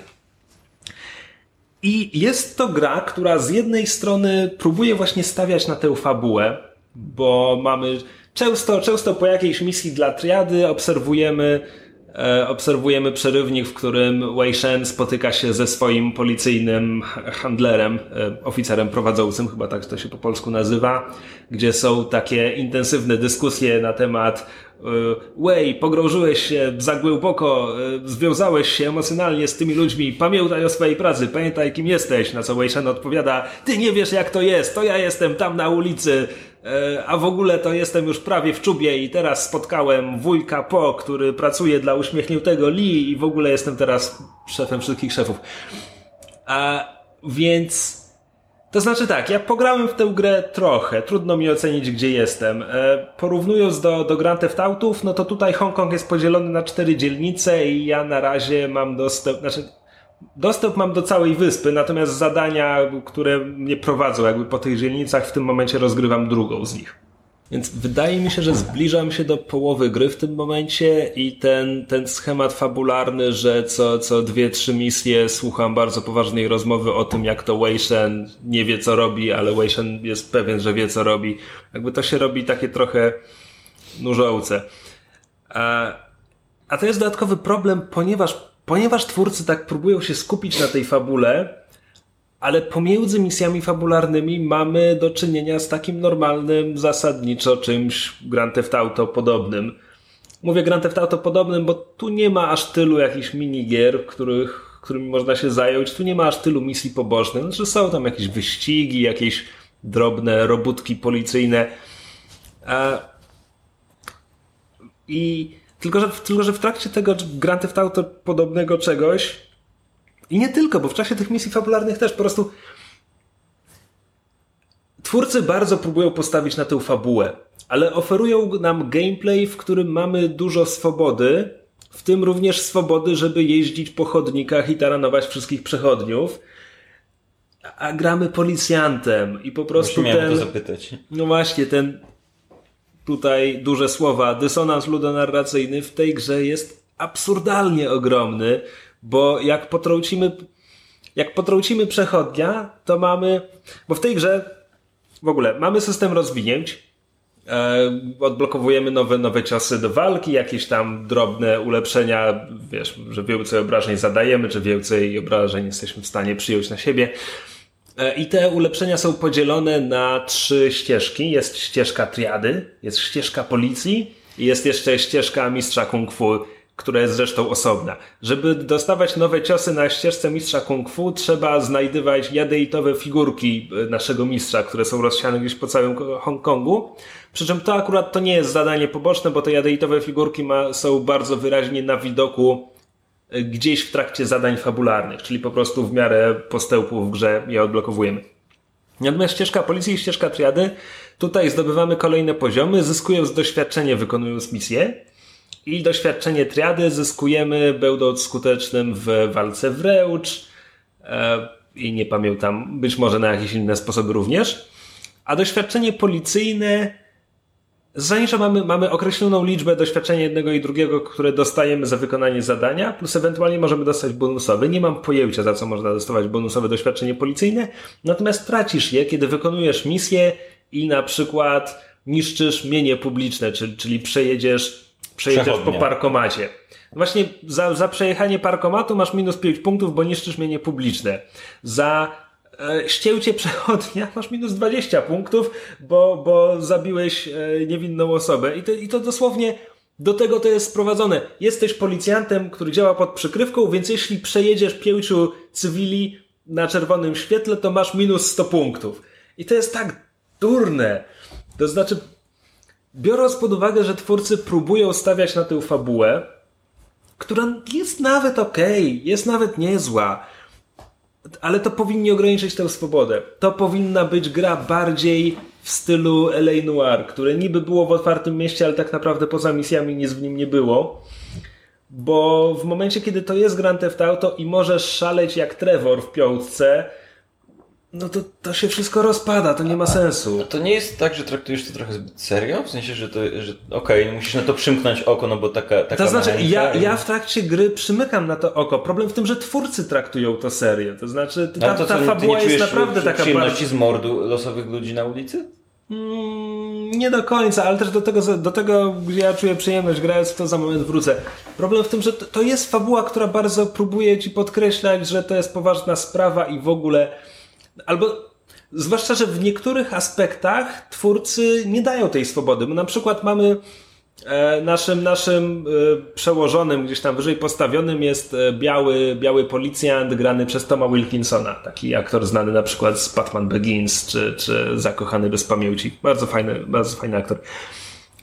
Który swoim silnym angielskim akcentem nam zleca te, te kolejne zadania, a w pewnym momencie jest taka bardzo wyraźna scena, jest taka scena, która bardzo wyraźnie podkreśla, że w Hongkongu broń nie jest tak powszechna jak na przykład w Ameryce i dlatego broni palnej w tej grze jest zdecydowanie mniej niż w takim Grand Theft Auto.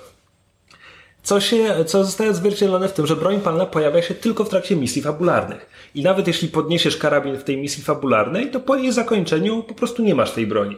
Więc nie możesz pomiędzy misjami wyjść na ulicę i strzelać z karabinu do przechodniów. W naszym mieście jest zdecydowanie mniej broni palnej, bo znika. Tak. jest jednorazowa. Tak, dokładnie, dokładnie tak. E, co też przekłada się praktycznie na najlepszy element tej gry. To znaczy, ponieważ tutaj jest mało broni palnej, więc podstawowe starcia są, są wręcz, a Sleepy Nox ma bardzo fajny e, mechanizm tej, tej walki wręcz. On jest e, zależnięty z Batmanów Rocksteady, mm. czyli opiera się, wiesz, lekki cios, silny cios i, i blok i kontra. Blok i kontra to jest jakby podstawa. Jest naprawdę bardzo przyjemny, dobrze działa.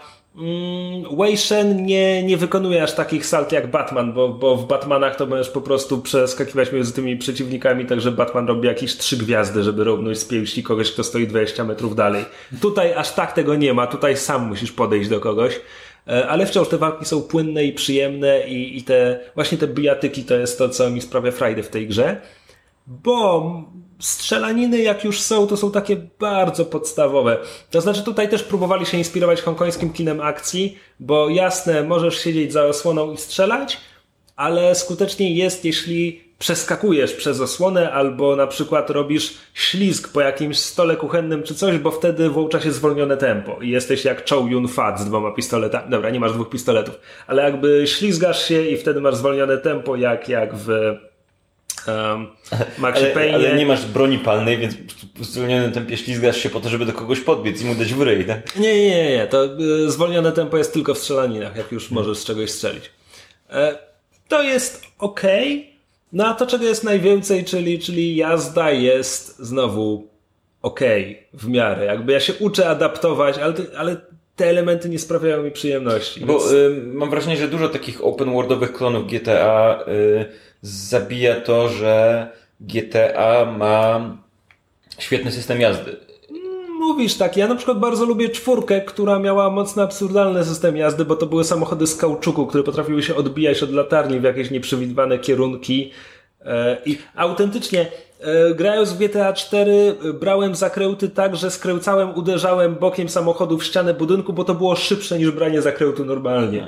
E, Nie wiem, ja, ja aż tak nie pamiętam, żeby pamiętać każdą część. Pamiętam, e, znaczy najwięcej grałem teraz w piątkę i w piątce, e, jeżeli chodzi o, do której wracam raz na jakiś czas, żeby sobie po prostu pojeździć i jeżeli chodzi o open worldy, to wow, dla mnie e, jedną z najgorszych rzeczy w pierwszym Watch Dogs był e, system jazdy samochodem, bo tam nie dało się jeździć.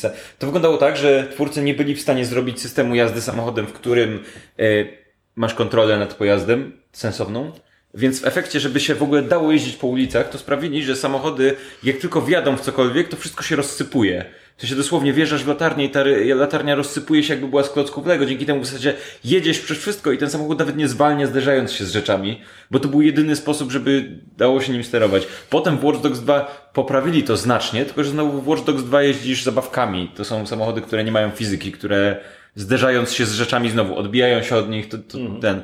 E, więc wydaje mi się, że, że taki, że, że słaby system jazdy w takim, w takiej grze może ją po prostu ubić. Absolutnie. Znaczy wiesz Dogs, ja nie powiedziałbym, że to jest słaby system jazdy, jest okej, jest znośny. Po prostu nie mam z niego jakiejś wielkiej frajdy. Natomiast e, tutaj jest jeszcze taki drobny problem, to jest... Ja nie wiem, czy to jest port z konsoli. To może nie być port z konsoli, ale- to jest gra, która ewidentnie była robiona pod konsolę, co widzisz po prostu, bo uruchamiasz menu i okazuje się, że w nim nie działa myszka. A potem okazuje się, że przełączać zakładki w menu musisz naciskać lewy i prawy kontrol, bo to było przypisane pewnie bezpośrednio pod bumpery na padzie.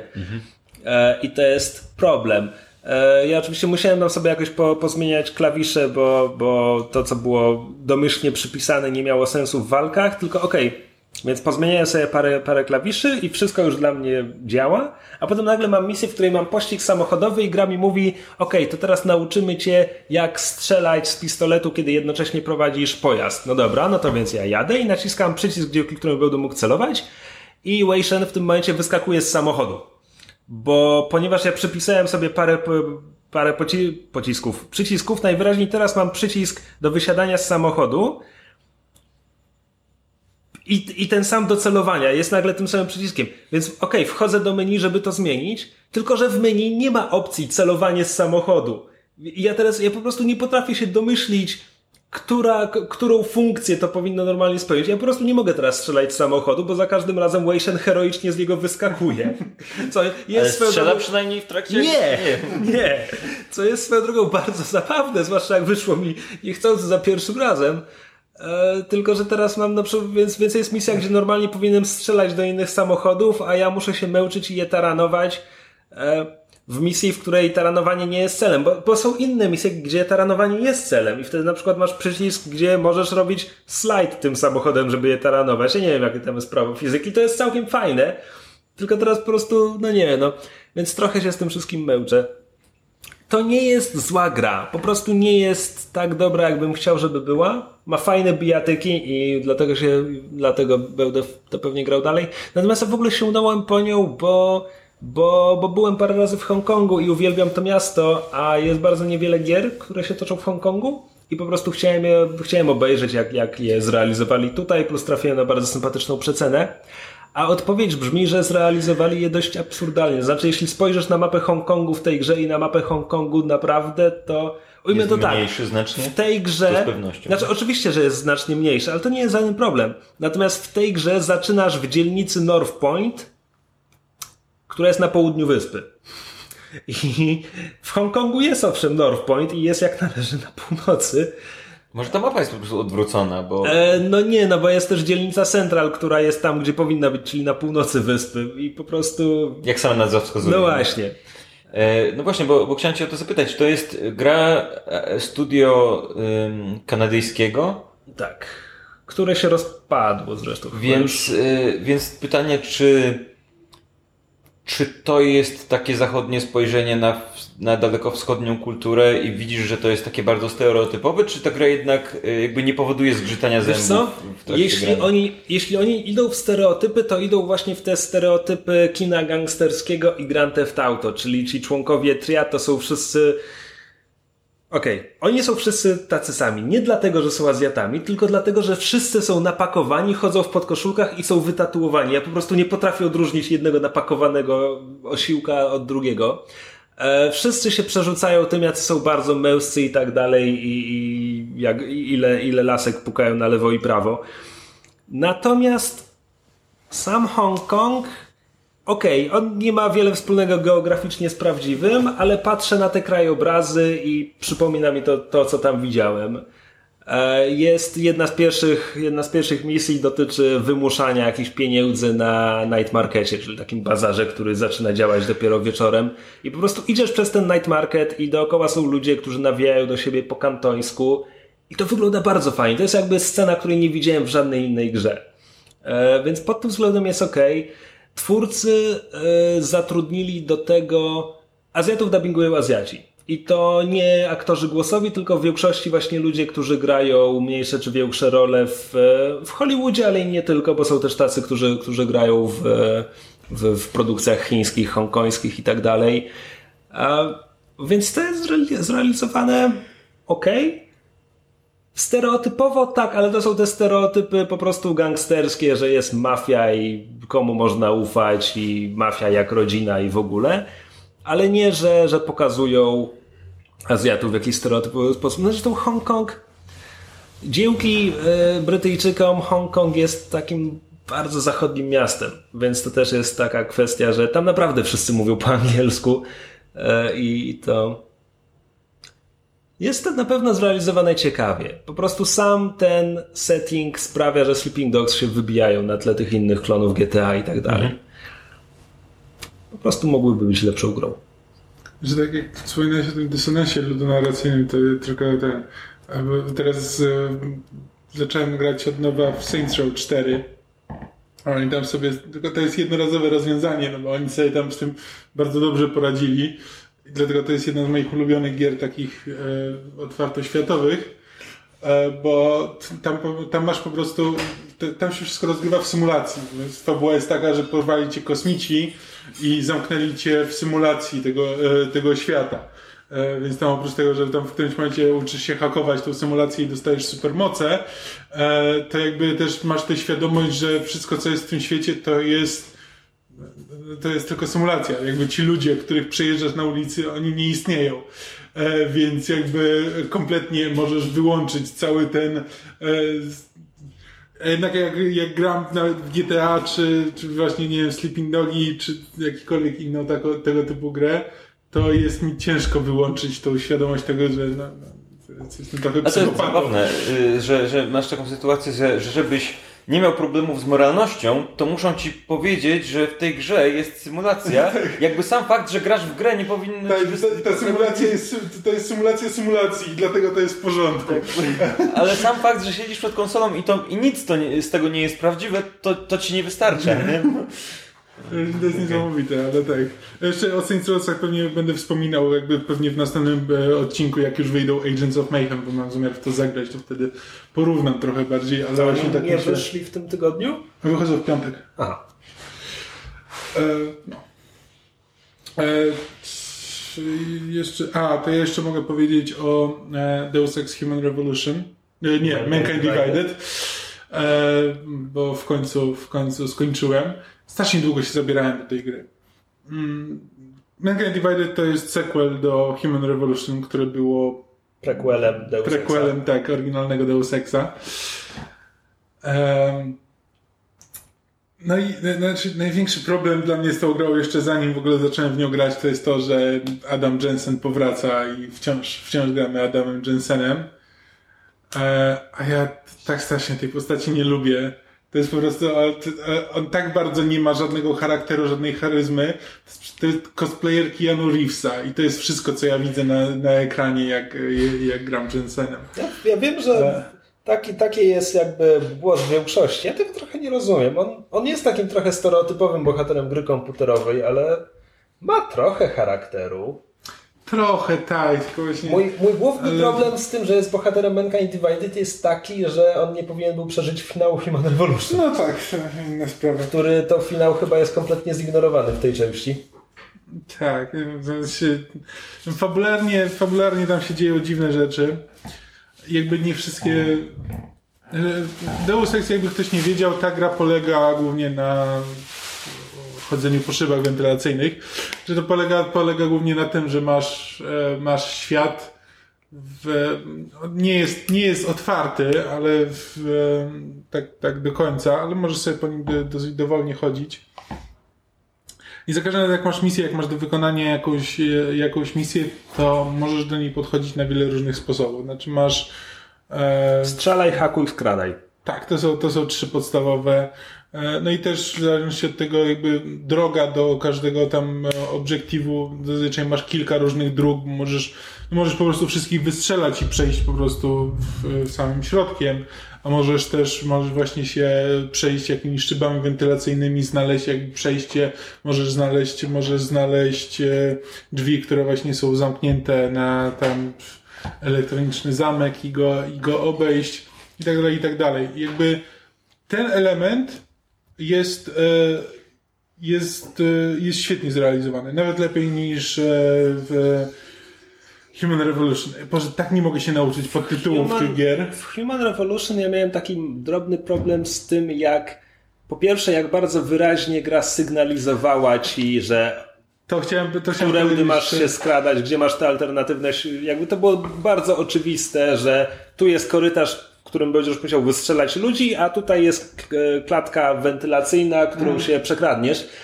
I mój drogi problem z tamtą grą było to, jak ona absurdalnie premiowała skradanie.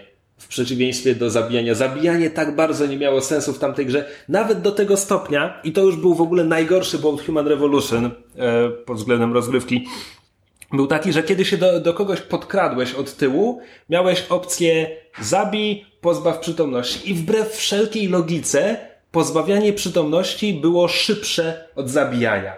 Przecież jakby, jak, jak masz ten wybór, no to to jest oczywiste, że, że jeśli chcesz, że, że jeśli nie, chce, nie chcesz kogoś zabić, to powinieneś to czymś okupić, tak? W tym wypadku czasem.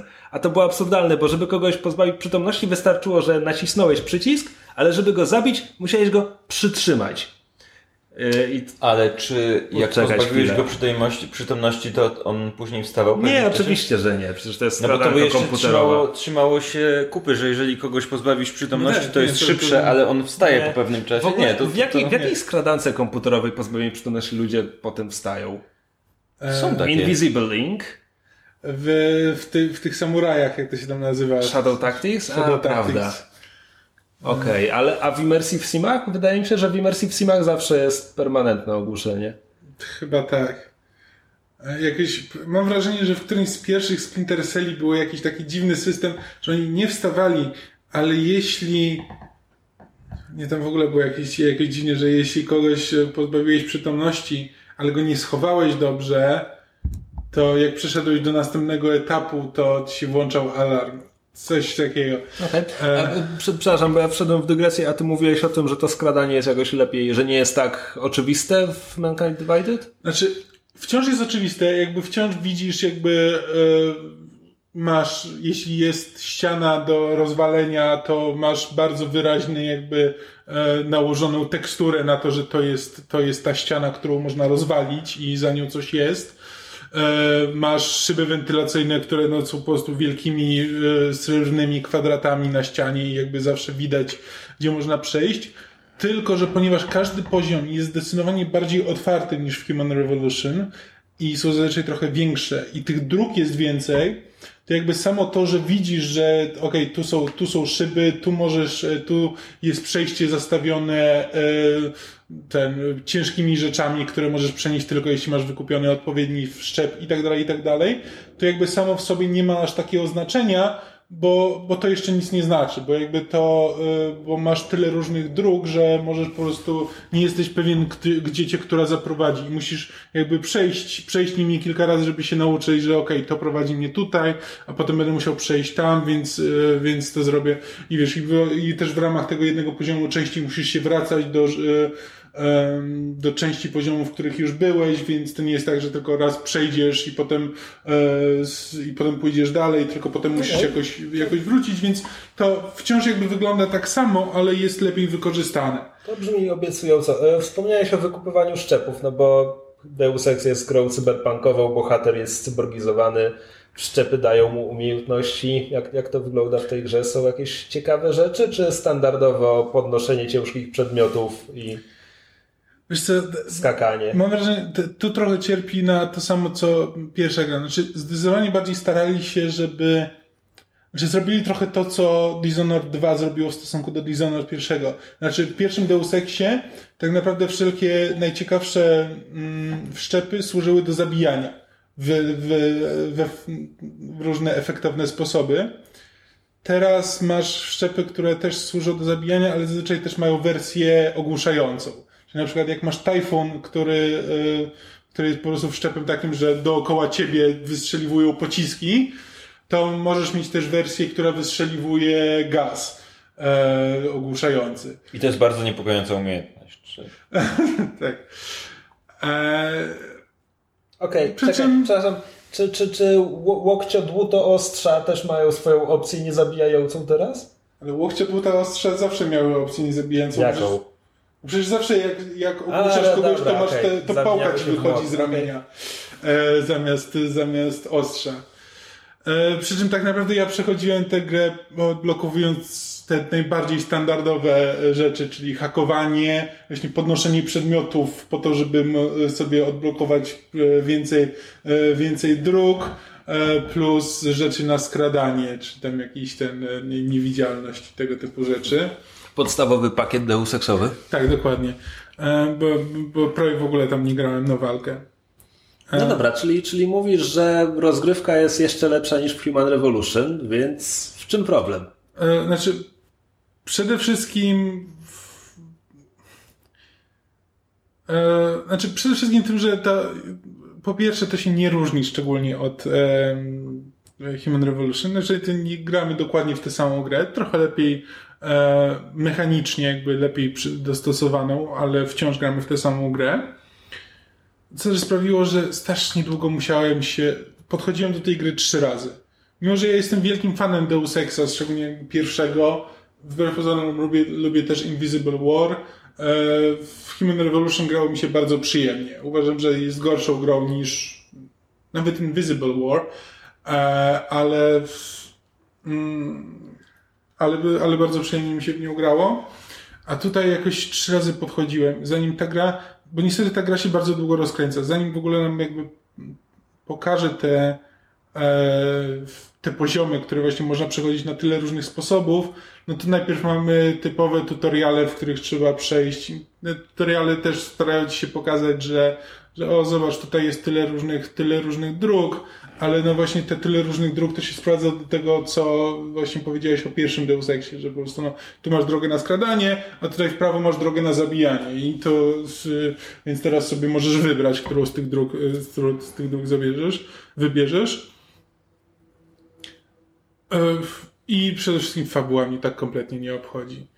Znaczy, no, jest typowe, typowe spiski, jest dużo więcej nawiązań do oryginalnego Deus Exa, znaczy pojawiają się wręcz postaci, które, które znamy z, e, z Deus Exa, e, z tego oryginalnego, e, które tam są, które tam są głównymi przeciwnikami, no to tutaj się pojawiają jako tam, Bob Page, Walter Simons. e, Joseph Manderley, O, świetnie. e, tak, tego, tego, typu, tego typu postaci. Gunter? Anna Nawar? Nie, nie ma, nie ma. O.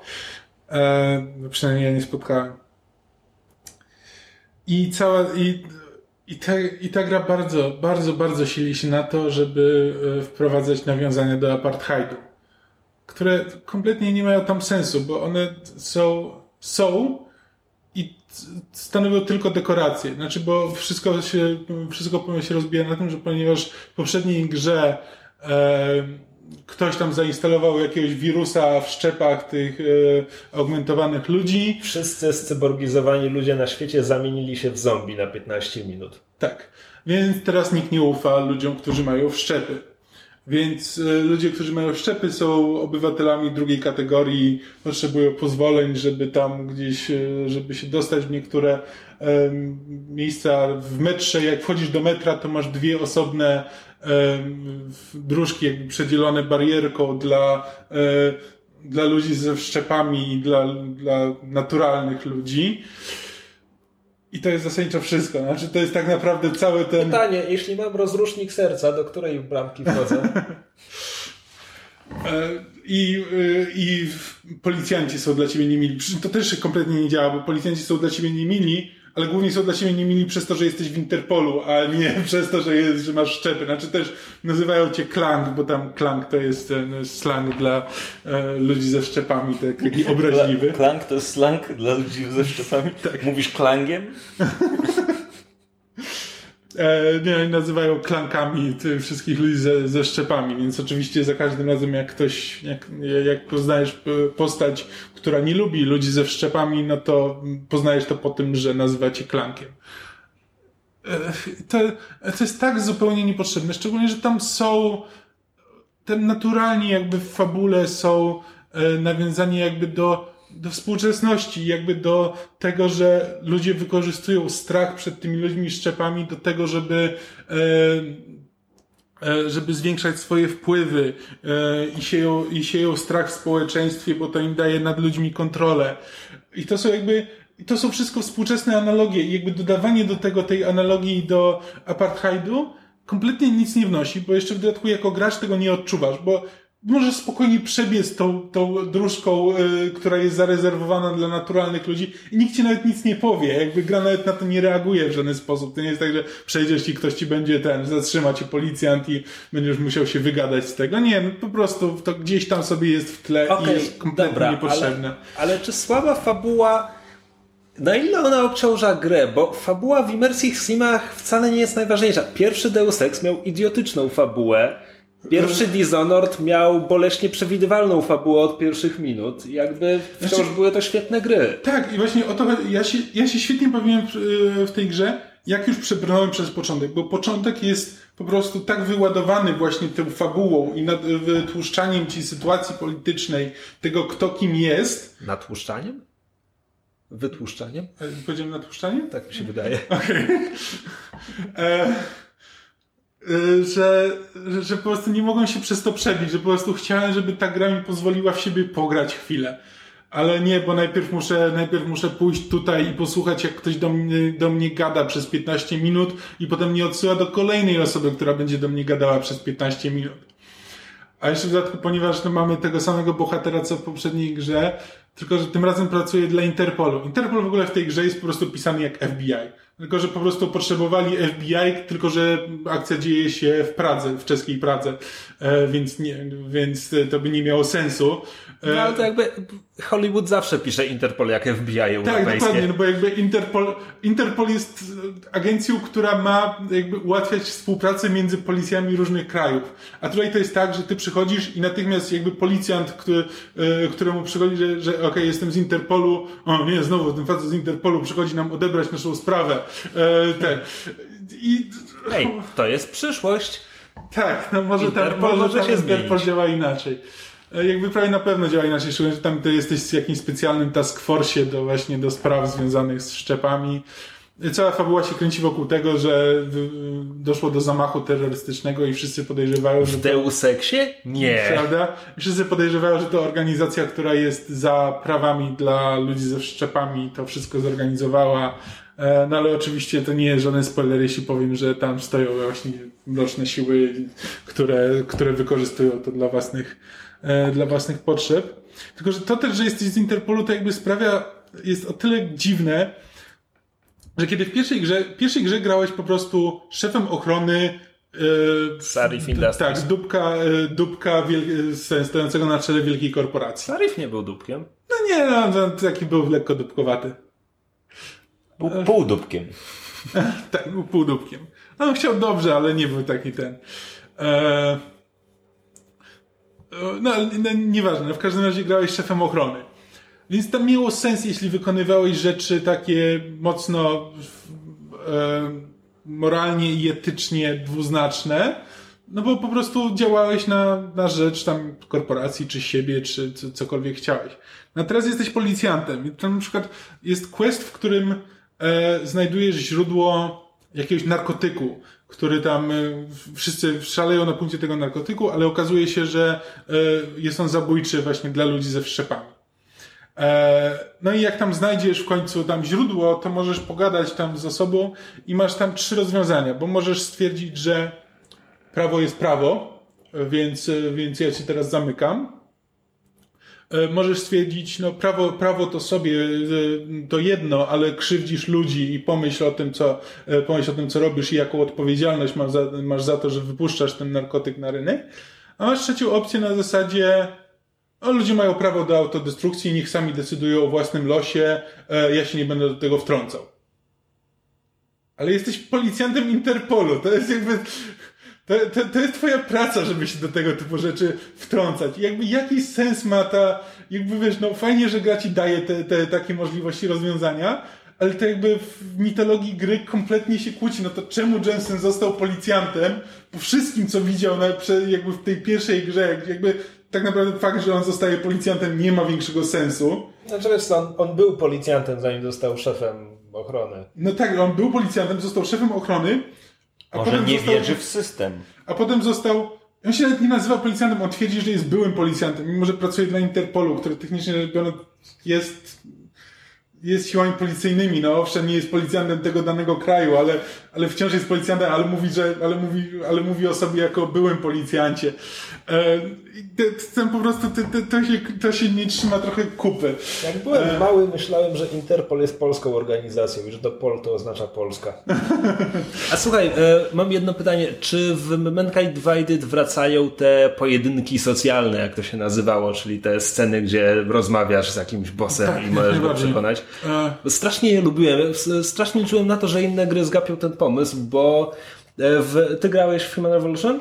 Tam w całej grze to jest, nie wiem, może pięć takich sytuacji, że masz dramatyczną rozmowę z kimś i wybierasz opcje dialogowe, tylko że to jest rozmowa, którą, że tak powiem, możesz przegrać. Znaczy, ty chcesz do kogo, kogoś przekonać do swoich racji, on ma swoje racje i tak naprawdę musisz słuchać tego, co on mówi, dołożyć do tego to, co wiesz o tej postaci i dobrać, masz tam cztery, cztery jakieś. E, to jest ten problem, że to jest znowu system, gdzie, gdzie nie masz pokazanej całej kwestii, którą wygłosisz, tylko to jest jakieś tam e, rozumowanie, emocje, coś tam. I w każdym razie musisz, musisz wykombinować w tym momencie rozmowy do tej postaci, które z tych czterech podejść będzie najlepsze. I to było, po pierwsze to było dobrze napisane. A jak ci nie wyjdzie, to ta postać skacze z budynku, tak? I... Wiesz co, może tak być. To znaczy. To nawiązanie do Life is Strange, bo tak, tak, tak, tak, rozumiem. E, ale tam e, w, w Human Revolution autentycznie mogłeś przegrać te dyskusje, że po prostu no nie przekonałeś go i wtedy coś się dzieje, albo wtedy po prostu ta droga zostaje dla ciebie zamknięta. To było dobrze napisane na tyle, że, te, że naprawdę można było to wygrać na podstawie tylko tych samych decyzji. Po drugie, jeśli ładowałeś save'a i podchodziłeś do tego drugi raz, to było częściowo losowe, czyli te konwersacje przebiegały w trochę inny sposób. Um, i, I to było naprawdę fajne i jakby porównywałem porównywałem to z na przykład RPGami, praktycznie jakimikolwiek, BioWare'u czy czegokolwiek, gdzie przekonywanie postaci polega na tym, że jeśli masz cechę przekonywanie, to masz tutaj opcję, która zawsze przekona tę postać. I to jest takie prostackie i banalne w porównaniu z tym, co zrobił Human Revolution. Tak, to jest, jest, yy... Niestety Human Revolution dawało ci też wszczep socjalny, który sczytywał feromony i po prostu rozwiązywał to za ciebie, bo ci mówił, ok, w tym momencie kliknij to. No ale dobra. Znaczy, tutaj też masz wszczep socjalny, który jakby... Yy... Działa podobnie, ale trochę inaczej. Znaczy, masz po pierwsze, on ci daje informacje na temat yy, postaci, z którą rozmawiasz. Znaczy, że. Ale to, to było też chyba w pierwszym, znaczy w Human Revolution. Tam on czy, wąchał feromony i ci mówił, to jest osobowość omega, do niej trzeba podejść w ten sposób. E, znaczy on tutaj jakby konkretnie mówi o tej postaci, że jakby, że na przykład, że ona jest idealistyczna, ale że e, jeśli chodzi o tam ludzkie życie, to, e, to potrafi, to, to, to można jej przemówić do rozumu, e, że albo że jest, jest buntownicza, ale w takich i takich kwestiach może ten, może zadziałać takie i takie podejście. Poza tym masz też te, te feromony w sensie, że e, gra ci jakby pokazuje takimi kropeczkami, masz zaznaczone jakby takie typy osobowości, tylko to jest tak, że ta dana postać może w ramach jednej konwersacji przejawiać kilka typów osobowości, że jakby, że albo jest bardziej alfa, beta, albo omega, że w zależności od tego, że czy jest, czy w tym momencie jakby do, punkt konwersacji jest taki, że ona się unosi dumą i wtedy jakby jest bardziej alfa, e, czy, czy zaczyna słuchać tego, co do niej mówisz i, e, i przechodzi w ten tryb omega. I masz tam jakby podpowiedzi, że jakby dana, e, dana kwestia dialogowa na przykład działa lepiej na e, na jakby na te osobowości alfa albo omega, tylko że musisz jakby zwracać uwagę, bo on ci po prostu przez całą konwersację ci taki, y, masz po prostu zaznaczone takie trzy kropeczki właśnie alfa, beta i omega i te kropeczki po prostu się świecą jakby w takich jakby wyraźnych punktach tej konwersacji, kiedy właśnie dana postać coś robi. I Czyli ona- trochę jak granie w Guitar Hero po prostu, tak? E, Nie, bo to nie jest to, że musisz w tym danym momencie coś zrobić, że kiedy ci się ta kropeczka zaświeci, tylko po prostu zwracasz uwagę, które jakby kropeczki się świecą jakby częściej i w którym momencie konwersacji, jakby w jakim, w jakim nastawieniu jest ta osoba w tym momencie i wtedy wybierasz odpowiednią kwestię. I też jak wybierasz kwestię, to nie masz tylko, e, znaczy masz też podpowiedzi, że jakby racjonalizuj, e, zastrasz i tak dalej, ale za każdym razem jak najedziesz na tą opcję, to masz e, wyświetlone, co dokładnie Jensen powie, e, kiedy to wybierzesz. Więc możesz, więc możesz sobie najpierw e, sczytać i jakby w, i, i rzeczywiście jakby widać, które jakby nie ma jednej właściwej drogi konwersacji. Jest zazwyczaj kilka, że po prostu w, jest kilka możliwości, które lepiej lub gorzej nastrajają tę osobę w stosunku do ciebie i w zależności od tego, co wybierzesz, no to później ona jest w innym nastroju i inne, inne podejście y, wobec niej zadziała. No To jest fajne, to jest naprawdę, czujesz się, że przynajmniej, że co, coś osiągasz w tej konwersacji, a nie takie tylko, że okej, to tutaj zaznacz te opcje i w ten sposób wygrasz tę konwersację. W systemie konwersacji w grach to też jest taki szeroki temat, na, na który chętnie sobie kiedyś porozmawiał w jakimś przyszłym odcinku, ale może nie teraz.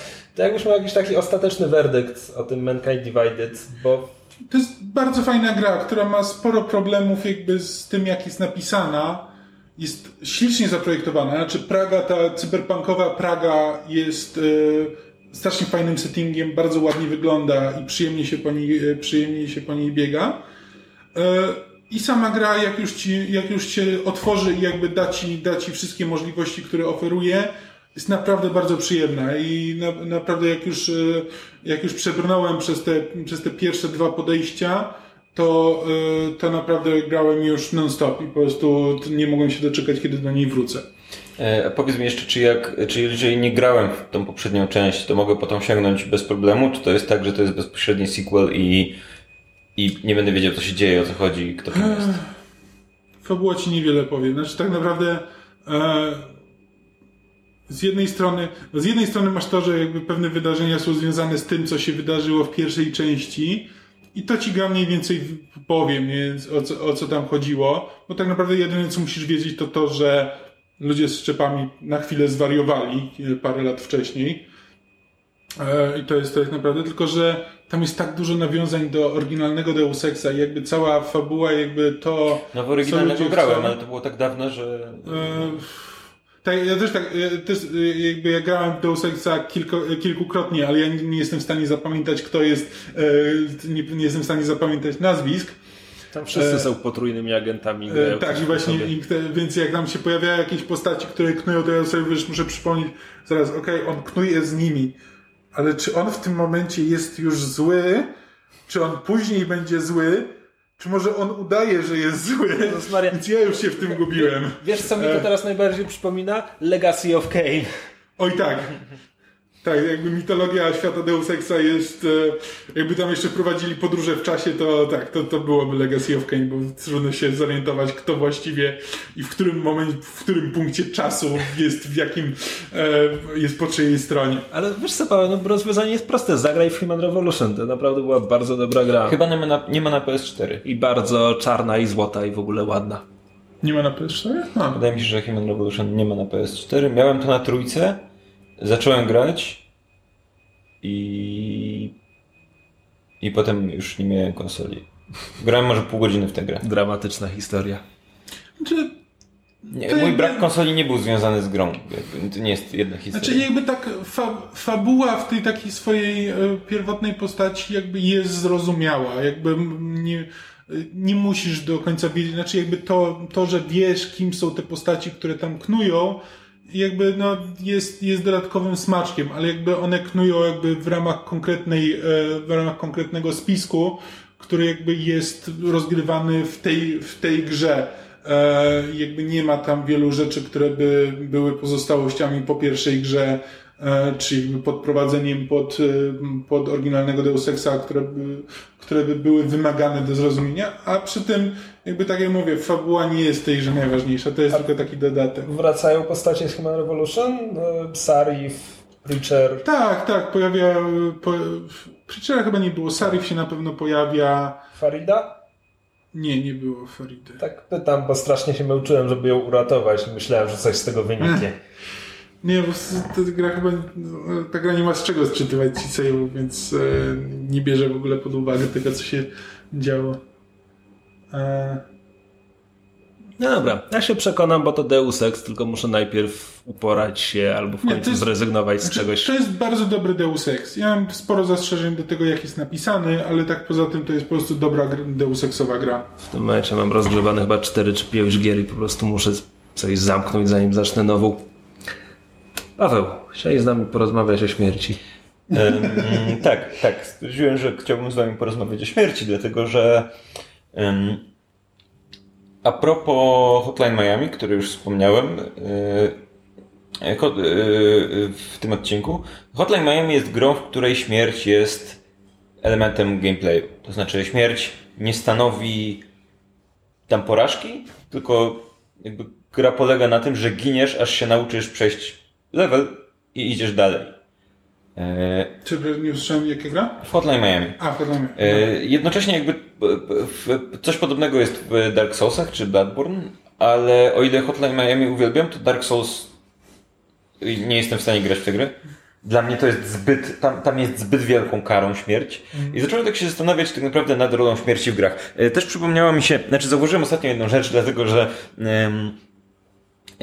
w Diablo 3, tak samo jak w poprzedniej części, jest tryb hardcore, na którym możesz grać, gdzie, w momencie, kiedy zginiesz, to twoja postać ginie już na zawsze.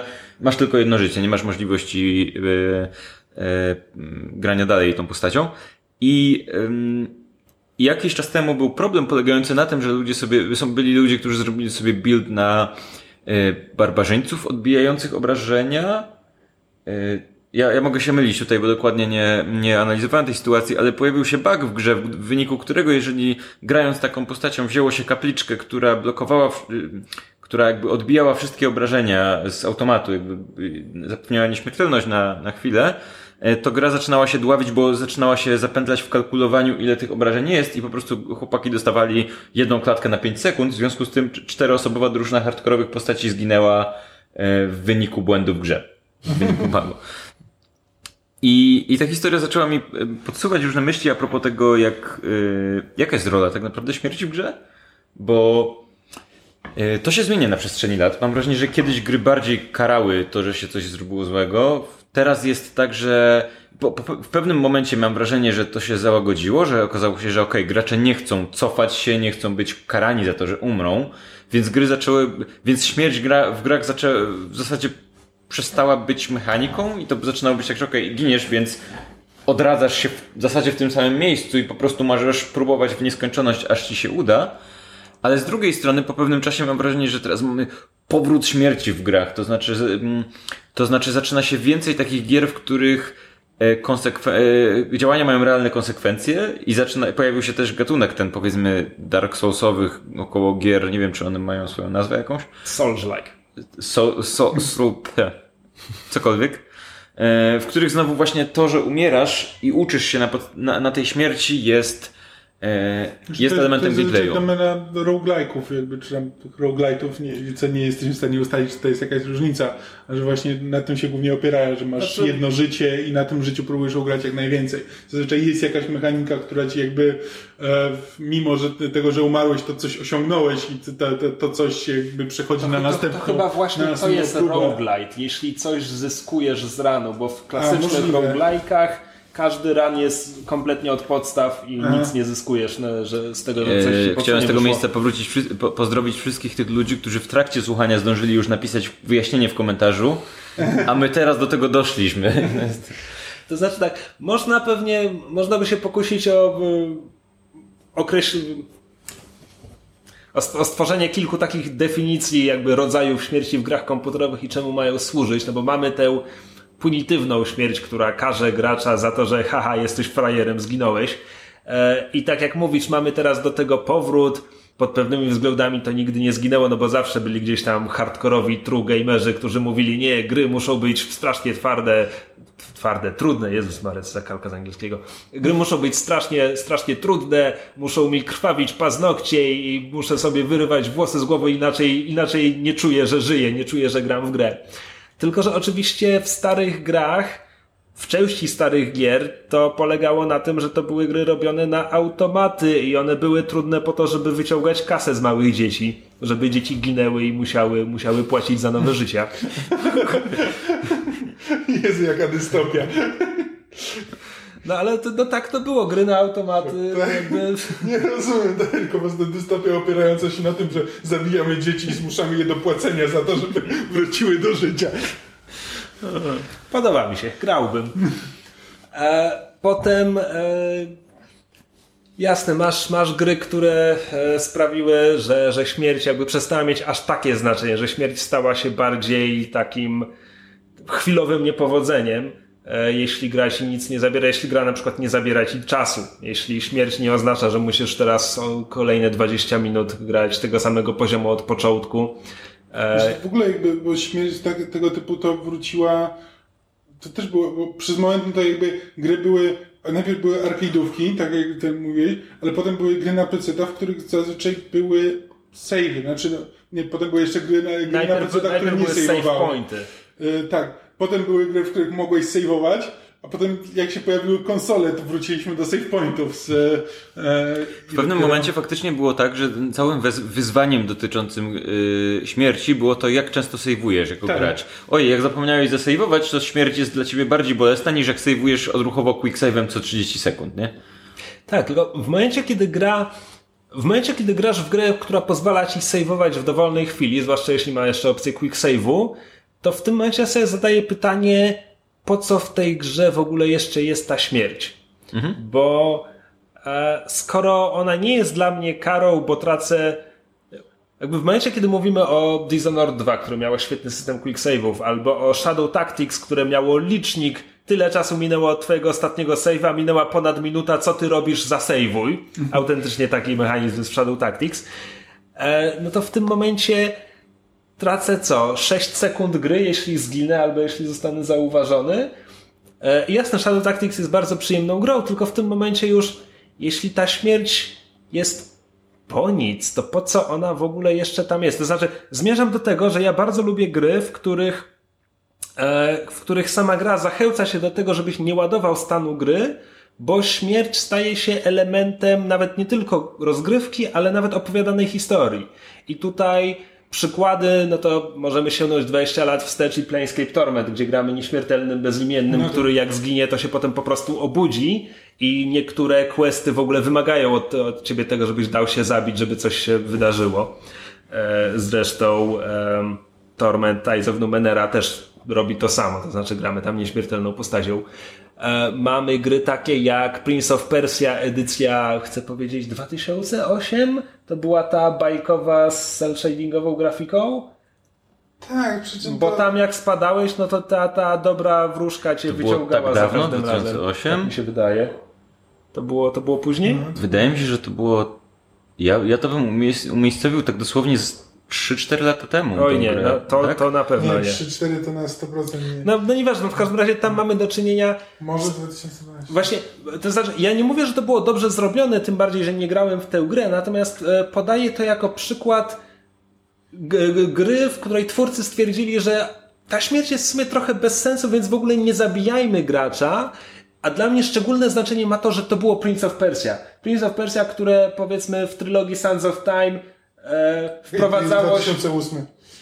e, które w e, Sons of Time i pozostałych dwóch grach z tej trylogii wprowadzało śmierć jako element opowiadanej, opowiadanej historii, bo cofałeś czas, bo za każdym razem jak ginąłeś, to mogłeś cofnąć czas i to było jakby... Tylko, że też to nie miało sensu na przykład z punktu widzenia opowiadanej historii w pierwszej grze, bo pierwszą grę Prince opowiada księżniczce i zawsze mówił, a potem spadłem na te kolce. Nie, nie, nie, to nie było tak, nie zginąłem wtedy. I to było takie, wiemy, jesteś tu, mówisz nam o tym, o co, o co chodzi, gro.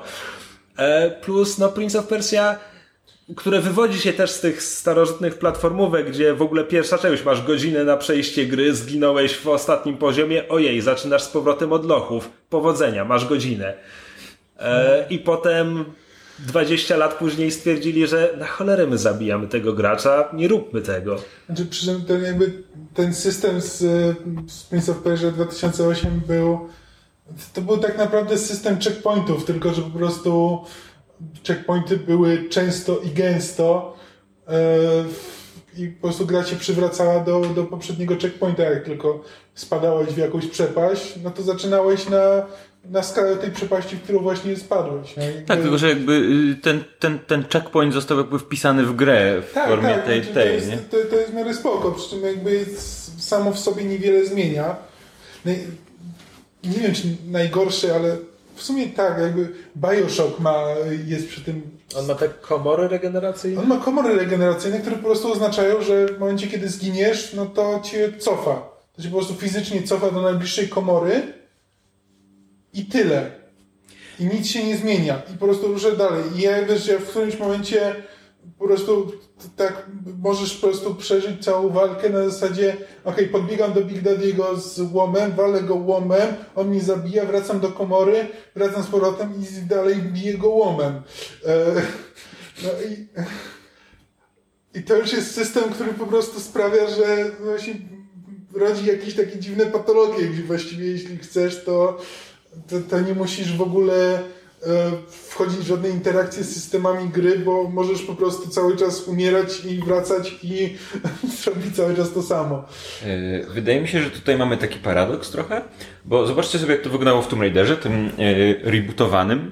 Tam były, często i gęsto były tam takie e, mechaniki polegające na tym, że, no bo jakby w trakcie normalnej walki, no to Lara, powiedzmy, jeżeli ktoś do niej strzela, otrzymuje jakieś tam obrażenia, jak otrzymuje ty, otrzyma tych obrażeń ileś tam, to ginie, no ale wystarczy się gdzieś schować na chwilę i co też jest zresztą elementem, o którym możemy porozmawiać, to znaczy to, że w pewnym momencie standardem stało się to, że jak chwilę odczekasz, to odzyskujesz życie, że żeby zginąć w strzelankach, to musisz otrzymać jakąś tam y, ym, jakąś tam ilość obrażeń, a nie jest tak, że o, masz 20% życia, w związku z czym musisz uważać na siebie bardziej, dopóki nie znajdziesz apteczki.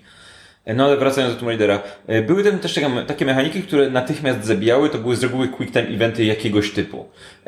Od takich bardzo klasycznych pod tytułem o, ktoś cię atakuje, naciśnij trójkąt, Po takie mniej klasyczne w rodzaju Lara tam płynie y, z prądem i musisz y, odpowiednio nią sterować, bo jak nie to się nabije głową na jakiś drut czy gałęź, ga, gałąź naostrzoną czy coś takiego.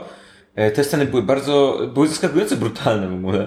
Tak, Były- to było po prostu... to było takie jakby niepasujące do całej gry, bo, która i tak gra była w takiej dość, w tym survivalowym, brudnym klimacie, ale mimo wszystko jakby jak nagle dostajesz grę, o, naciśnij klawisz, masz sekundę, jak nie naciśniesz, to widzisz nagle jak grę, larze, głowę przygniata jakiś kamień, i po, ale po chwili cofa ją 5 sekund i masz drugą Tak, szansę, żeby zrobić... Najpaskudniejsza była ta, kiedy płynie z prądem rzeki i, I może nabija się się szyją. Na, tak, na szyją, bo wtedy jeszcze widzisz, jak sięga rełkami do tej gałęzi, bo jeszcze chwilę żyje i dopiero potem Tak, to było takie, zwłaszcza że, zwłaszcza, że o ile te quick time eventy polegające na Ty, naciśnięciu czy tę grę reżyserował Eli Roth? No właśnie, o ile te eventy polegające na naciśnięciu trójkąta, okej, może ci się zdarzyć raz, że się pomylisz, to, to tamte eventy, które już polegały na odpowiedniej sekwencji tam pływania, czasem zdarzało się, że kilka razy się myliło. Zwłaszcza był taki właśnie ten jeden, o którym mówisz, był taki trudniejszy. Mam takie wrażenie, bo pamiętam, że kilka razy mi się zdarzało nabijać tą, tą larenetę i to było dziwne. Ale z drugiej strony masz tą sytuację, że jeżeli tego nie zrobisz, tego quick time eventu, to gra cię dosłownie cofa o kilka sekund i już jakby nie ma możliwości w tych najbardziej klasycznych time eventach nie masz absolutnie możliwości, żeby, y, żeby drugi raz ci sobie nie poradzić. No, to jest zawsze ten sam klawisz, nigdy to nie jest jakiś, że wyświetlić ci losowy, masz szansę na niego kliknąć. Nie. Jeżeli ci nie wyjdzie, to drugi raz już ci wyjdzie, bo okej, w tym momencie muszę nacisnąć trójkąt. E, I dlaczego mówię o paradoksie? Bo tak, mam wrażenie, że z jednej strony w, grze, w grach nie możesz być absolutnie nieśmiertelny, że to musi być jakieś wyzwanie, musi być coś, co może ci się nie udać, bo inaczej to gra nie ma sensu. Tak? Znaczy, wiesz co, zależy od gry, bo na przykład przygodówki. Tylko, że są przygodówki, które ci zabijają. Tylko, że po co one to robią? Jakby e, przygodówki, No tak, jakby- przygodówki LucasArtsu były znane z tego, że w przeciwieństwie do przygodówek Sierry nie możesz w nich zginąć. Do tego stopnia, że w pierwszym Monkey Island kilka razy jest, jest, e, są takie zmyłki, że haha, zginąłeś. Nie, wcale nie, to nie jest gra Sierry. E, no bo tutaj Wyzwaniem w przygodówce nie jest to, że musisz być szybki, musisz uniknąć przeciwnika albo go wystarczająco szybko zabić, tylko kombinujesz fakty. A jeśli gra cię zabija, któryś Leisure Suit Larry zabijał cię za to, że wziąłeś prysznic, bo po prostu, nie wiem, tam jest odsłonięty kabel i porazicie proudem. Po prostu, jaki to ma sens? To jest chyba tylko po to, żeby wkurzyć gracza. No, mm, Okej, ale, ale biorąc pod uwagę takie klasyczne, znaczy klasyczne, powiedzmy gatunki w rodzaju strzelanek, czy faktycznie gry, które wymagają, w których możesz zginąć w wyniku jakby walki, którą prowadzisz, tak powiedzmy, e, no to wiadomo, że nie możesz być śmiertelną postacią, bo wtedy nie wiadomo na czym polega wyzwanie. Oczywiście jakby nie biorę nie eksperymentalnych gier, gdzie jakby wyzwanie polega na czym innym, ale powiedzmy, okej, walczysz, to musi być jakieś niebez- niebezpieczeństwo. Ale z drugiej strony, sam fakt, że okej, gra cię cofnie i musisz zrobić drugi raz to samo, to mam wrażenie, że w głowach twórców zaczyna być rzecz, która po prostu irytuje graczy i jest. I, i to nie jest dobre rozwiązanie. I, Znaczy- i mam, a jednocześnie przydałoby się, żeby były te konsekwencje w jakiś sposób. W Diablo było coś takiego w trzeciej części, a nie w pewnym momencie zaczęli tak upraszczać śmierć, że.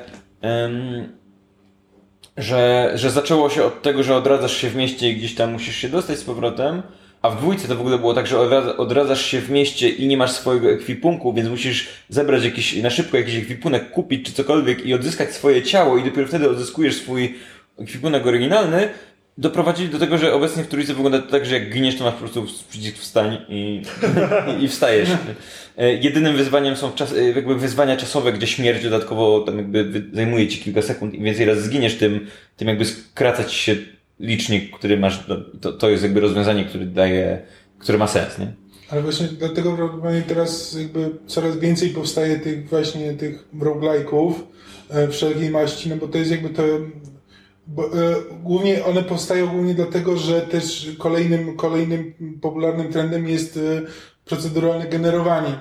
Więc jakby owszem, giniesz, zaczynasz jeszcze raz, ale tym razem, ale tym razem to będzie wyglądało inaczej. To jest właśnie to samo, to, to, to co Dead Cells, o którym mówiłem w tym odcinku właśnie robi, że jakby no ginę i zaczynam od samego początku. Ale w ogóle nie jestem tym przejęty, jakby w ogóle mnie to nie boli. No chyba, że bardzo liczę na to, że dojdę gdzieś tam do, dojdę gdzieś tam dalej i mi się powinęła noga, no to jestem na siebie zły, e, że, że, że coś, coś głupiego zrobiłem.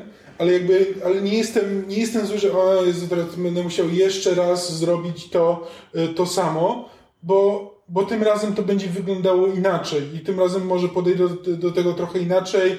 Poziom będzie, poziom będzie wyglądał inaczej, gdzie indziej będą e, potwory, znajdę inne skarby. E, A na przykład teraz grałem e, w Bloodborne, które musiałem z 10 razy podchodzić do walki z bossem. Pierwszy, jed- jeden z pierwszych bossów, Father Gascoigne, na którym większość osób e, podobno z tego, co, z tego co czytałem e, się wykłada. No i to jest tak, że ja najpierw, żeby dojść do tego bossa, to trzeba przejść tam, trzeba się, najpierw tam trzeba przejść przez tam, e, całą planszę, otworzyć sobie skrót. E, jak już otworzyłem ten skrót, no to nadal przejście przez tym skrótem to muszę no, jak z 5 minut, z 5 minut iść, e, żeby, żeby do niego dotrzeć, bo tam po drodze jest jeszcze skryptowany. Jest bardzo fajny, jest bardzo fajny moment, w którym ktoś stawia na ciebie pułapkę, ale możesz w tę pułapkę w, e, tak naprawdę w, e, sprawić, żeby w tę pułapkę wpadły, e, wpadli inni wrogowie. I to jest fajne. Za pierwszym razem. A potem, kiedy dziesiąty raz już powtarzam i wiem, że muszę, ok, dojść do trzech czwartych tego mostu. Wtedy ci wrogowie zaczynają, zaczynają do mnie biec. Wtedy ja się odwracam, zaczynam biec. W połowie tego mostu kula zacznie się toczyć i dopiero muszę jeszcze chwilę poczekać, bo jeśli za wcześnie pobiegnę, to oni zdążą pobiec za mną i się schowają, więc muszę chwilę poczekać, dobiec, schować się, kula ich, ste, yy, kula ich zabije i wtedy ja mogę przejść przez ten most. I robię to 10 razy, bo 10 razy ginę przy tym, przy tym nieszczęsnym bosie. Yy, i, no i tak naprawdę jak słucham, jak słucham argumentów za, za Bloodborne'em, czym to jest takie, no bo, no bo owszem, no bo to cię cofa i, ale wtedy jesteś bardziej zaangażowany w tę walkę, no bo nie chcesz, żeby cię, nie chcesz, żeby cię znowu cofnęło, a gdy ci się uda, to, to, to czujesz satysfakcję, że w końcu się nauczyłeś, jak to zrobić i tak. No tyle, że nie, ja w żadnym momencie jakby nigdy te, ta, E, to niebezpieczeństwo tej śmierci i cofnięcia się nie sprawiło, że ja podchodzę do walki z bossem inaczej.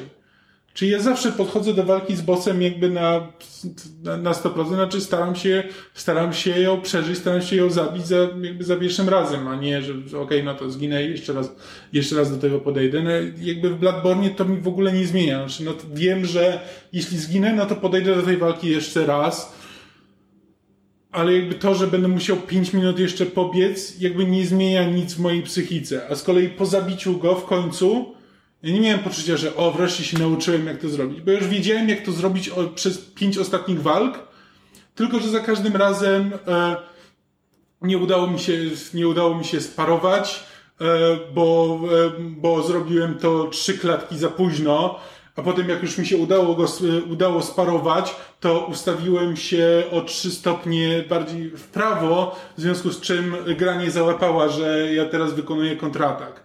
I, i, I, jakby ja nie czułem żadnej satysfakcji z tego, że podchodziłem 10 razy i w końcu mi się nie udało. Nie czułem żadnego więcej, żadnego większego zaangażowania w tę walkę przez to, że wiedziałem, że jak mi się nie uda, to Boże Święty znowu będę musiał przechodzić przez ten ten. I jakby mam wrażenie, Dobra. że to nic mi nie wprowadziło. A co miałoby się dziać, gdy przegrywasz tę walkę? Znaczy, ja tak naprawdę, znaczy, porównując nawet do, nie wiem, do gier typu Devil May Cry, e, gdzie no po prostu zaczynasz... Tam chyba grać się oferuje niższy poziom trudności, jak przegrywasz raz po raz? Mówię chyba no, o DMC nie, to, konkretnie. Tak, w, DMC tak było, ale nie, nie, nie o tym mówię. Znaczy, no, e, mówię o, ogólnie o takich smasherach, no to po prostu zaczynasz tę walkę z bossem jeszcze raz i jakby i to mi sprawia satysfakcję, znaczy, że ja się uczę tych po prostu na kolejnych kolejnych jakby iteracjach tej walki, uczę się w końcu jak, jak do niej podchodzić, ale ale to nie jest tak, że gra mnie, że gra mnie cofa i ja jeszcze raz muszę e, po prostu marnuję mój czas niepotrzebnie. Jakby nie widzę żadnego powodu, dla którego jakby wcale to, że to, że zacznę tę walkę od początku, to już jest kara sama w sobie, bo jeśli udało mi się zbić do trzech czwartych tego bossa i on mnie zabija i muszę do tego podejść jeszcze raz, to już jest, to już jest dla mnie irytujące, jakby, ale na tyle, że cholera, tym razem wiem, co zrobiłem źle, podejdę do tego w ten sposób. Ale nie, bo teraz jest, okej, okay, w tej walce z ojcem Gascoinem, okej, okay, wiem, co zrobiłem źle, więc musisz przejść przez... Więc teraz okej, okay, za 5 minut, za 5 minut spróbuję jeszcze raz. No ale i po co? Okej, okay, rozumiem. Znaczy, e, cofając się na trochę bardziej ogólny poziom rozmowy, e, bo, bo, no bo powiedziałem, że, że zadałem pytanie, po co w ogóle śmierć jeszcze jest w grach, tak? Ja jakby nie mam wątpliwości, że są gry, w których ta śmierć musi być, żeby ci po prostu powiedzieć, że przegrałeś walkę z ojcem Gascoinem, kimkolwiek on jest. E, sięgając po zupełnie inny przykład gry, no to taki mój ulubiony XCOM w niego można grać w takim trybie, że sobie załadujesz grę po tym, jak ci zginął trzej żołnierze, ale to jest złe granie w XCOMa, bo w XCOMie powinieneś akceptować swoje straty, bo wtedy masz dramatyczne historie, jak ci kosmita zarąbie twojego ulubionego żołnierza i wtedy e, i wtedy cała misja zaczyna się sypać, bo XCOM, podobnie jak na przykład FTL Faster Than Light i kilka innych takich gier, jest grą, która jest absolutnie najlepsza w momencie, kiedy masz plan, ten plan się sypie, jesteś przekonany, że za moment wszyscy zginą, a jednak udaje ci się rozegrać tę strzelaninę w wypadku X-Koma, czy udaje ci się jednak uratować statek w wypadku FTL i może potem grając w X-Koma, może teraz musisz do następnej misji wys- wystawić jakąś drużynę B złożoną z samych odrzutów i przegrywów, którzy, którzy nie mają żadnych fajnych umiejętności, a w ogóle to jeszcze nie ściągnąłeś ciała kumpla z poprzedniej misji, więc straciłeś najlepszą broń. A w wypadku FTL-u masz teraz statek, który jest dziurawy w pięciu różnych miejscach, nie ma paliwa i skończyły ci się rakiety i teraz atakują cię kolejni kosmici. Ale to tworzy napięcie. To sprawia, że po prostu wychodzisz z tej gry z fajną historią i jakby bez Be, gdyby, gdyby po przegranej misji w XCOMie, nie, nie przegranej, gdyby po misji, w której ginie ci połowa zespołu w XCOMie, gdybyś miał opcję po prostu kliknij, nie, ja chcę to rozegrać jeszcze raz, tak żeby było perfekcyjnie, Możesz to zrobić, ale tracisz właśnie tę fajną historię. Jasne, to może cię doprowadzić ostatecznie do tego, że przegrasz całą kampanię i tutaj to jest jakby dużo gorsze w XCOMie, który jednak rozegranie kampanii trwa tam cholera wie ile długo niż, niż w FTL-u, gdzie jedna gra trwa 3 godziny maksymalnie. E, ale jednak ten element porażki, ale takiej, właśnie, porażki, ale takiej, z której możesz coś wynieść dalej, możesz walczyć dalej. E, bo w momencie, kiedy śmierć jest takim absolutnie końcem, gdzie znowu ładujemy i, i, i grasz po prostu jeszcze raz ten element, ja czasami gram w gry akcji. Nie dużo, bo jakoś chyba wolę takie, gdzie mam jednak więcej czasu, żeby coś zrobić, i nie muszę bardzo szybko klikać. I po prostu z doświadczenia wiem, że jeśli zginąłem w walce, okej, okay, no to idę drugi raz, czegoś się nauczyłem. Zginąłem drugi raz, no to idę trzeci, trzeci raz, teraz mam już pomysł. Ale zdarza się, że po pięciu podejściach wciąż nie mam pomysłu, jak to pokonać i teraz znam się i teraz wiem, że następne pięć podejść będzie po prostu na takim wkurzeniu, gdzie będę ginął zdecydowanie szybciej, po prostu chcę to już mieć za sobą, więc to nie jest tak, że się bardziej staram. Ja się bardziej starałem za drugim, trzecim, czwartym i piątym razem, a szósty, siódmy, ósmy, dziewiąty i dziesiąty jestem po prostu wkurzony na grę i próbuję czegokolwiek i nic z tego nie działa. Na brezerku próbujesz tak, przejść te, te walki. Tak, i to się po prostu nie sprawdza. Tak, A z drugiej strony, więc, mówię, więc, więc są gry, gdzie ta śmierć musi być, bo, bo po prostu musi być, bo coś z tego mam. Ja gracz coś z tego mam. Ale z drugiej strony są gry, tak jak mówiłem o dinoz dinozorze, co? O di dinozordach. E, o Dishonored, e, gdzie po prostu mam te quick save'y i, i, i e, Dishonored co robi moja śmierć w Dishonored? No sprawia, że ładuję grę i tracę po prostu 15 sekund na, na załadowanie gry, bo nawet nie, nie tracę gameplayu, bo, bo mam tego save'a sprzed 6 sekund.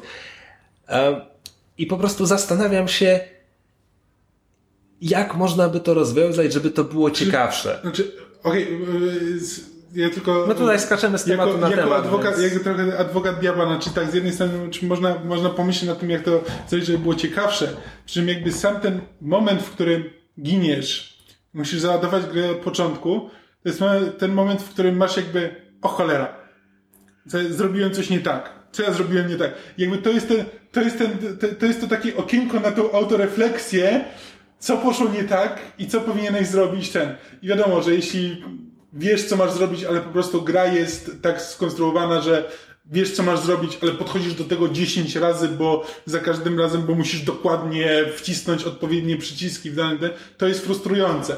Natomiast jeśli rzeczywiście jakby e, jest ten moment, w którym, okej, okay, kurde, zrobiłem coś nie tak, co ja zrobiłem nie tak, to i to i to, dobra, to spróbujmy w ten sposób to zrobić. I, i, i po prostu próbujesz, próbujesz czegoś innego, może to zadziała, e, jak to nie zadziała, próbujesz czegoś innego. I jeśli gra wygląda w ten sposób, no to jakby ta śmierć to jest po prostu ten moment, który ci po prostu mówi, że ok, nawaliłeś, zastanów się, zastanów się, co zrobiłeś.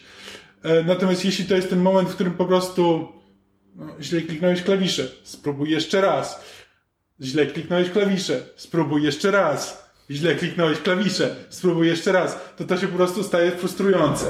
Wiesz co, to wydaje mi się, że to zależy od wielu aspektów, między innymi od jakby twojego własnego podejścia jako gracza, bo y, dla mnie właśnie Tomb Raider jest takim symbolem tego, tej śmierci, która nie miała zbyt wiele sensu, y, ale z drugiej strony, y, z drugiej strony, jeżeli sobie wezmę, wezmę Watch Dogs 2, gdzie de facto gra jest, to też jest trzecioosobowa strzelanina z elementami jakiegoś tam skradania, Ale mimo to w Watch Dogs 2 mam to wrażenie, znaczy po, pierwsze Watch Dogs 2 bardziej cofa, e, bo Tomb Raider cofa raczej do początku walki, w której właśnie e, padłeś, albo 10 sekund przed Quick Time Eventem, który cię zabił.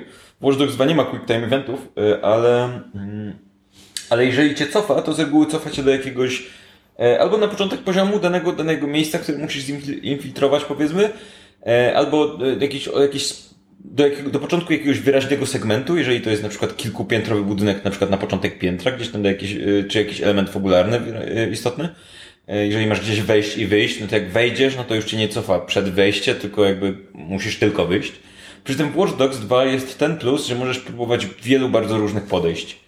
E, I, e, I to nie jest tak, że, bo w Tomb Raiderze masz tak, że okej, jest ta walka, jest kilku przeciwników i no zastrzelili cię, więc teraz musisz się bardziej, bardziej ostrożnie strzelać, albo wziąć inną broń, bo może oni wtedy szybciej padną, jak będziesz między nimi biegać z shotgunem. E, Albo musisz przeuważyć, że tam jest beczka, do której możesz strzelić i to jest jakby koniec twojej kreatywności. W Watch Dogs 2 masz jednak to podejście, że okej, to może nie, nie, nie, nie spróbuję wejść na pałę, tylko może spróbuję ogłuszyć strażnika i znajdę jakiś szyb wentylacyjny, w którym będę mógł wpuścić mojego drona i tym dronem będę mógł sprawdzić, gdzie co jest. Plus dodatkowo dochodzi element losowy, bo, bo jakby pewne cechy ludzi, którzy są, y, z którymi się walczy, się zmieniają. Tutaj nie będę wchodził jakby w szczegóły, no ale y, y, y, może się nagle zmienić. y, Ło. Samoloty latają. Może się zmienić model telefonu w kieszeni strażnika, co ma duże znaczenie w tej grze, dlatego że jeżeli strażnik ma odpowiedni numer, model telefonu, to na przykład możesz mu go wysadzić. Prawdopodobnie jest to Samsung. wszyscy, wszyscy mają Samsungi? Właśnie tylko niektórzy mają chyba Samsungi. E, niektórego, niektórzy mają taki model telefonu, że nie możesz go wysadzić, nie możesz go przeciążyć, ale możesz na przykład do niego zadzwonić i w ten sposób odwrócić jego uwagę. Niektórzy mają model, na który możesz zadzwonić. Ta, znaczy na każdy możesz zadzwonić, na każdy możesz zadzwonić, ale na niek- niektóre możesz dodatkowo wysadzić, e, czasem możesz mu wysłać jakiegoś niepokojącego SMS-a, no różne rzeczy można robić. E, jest Wiem, jest co dużo możliwości. zeszłego lata.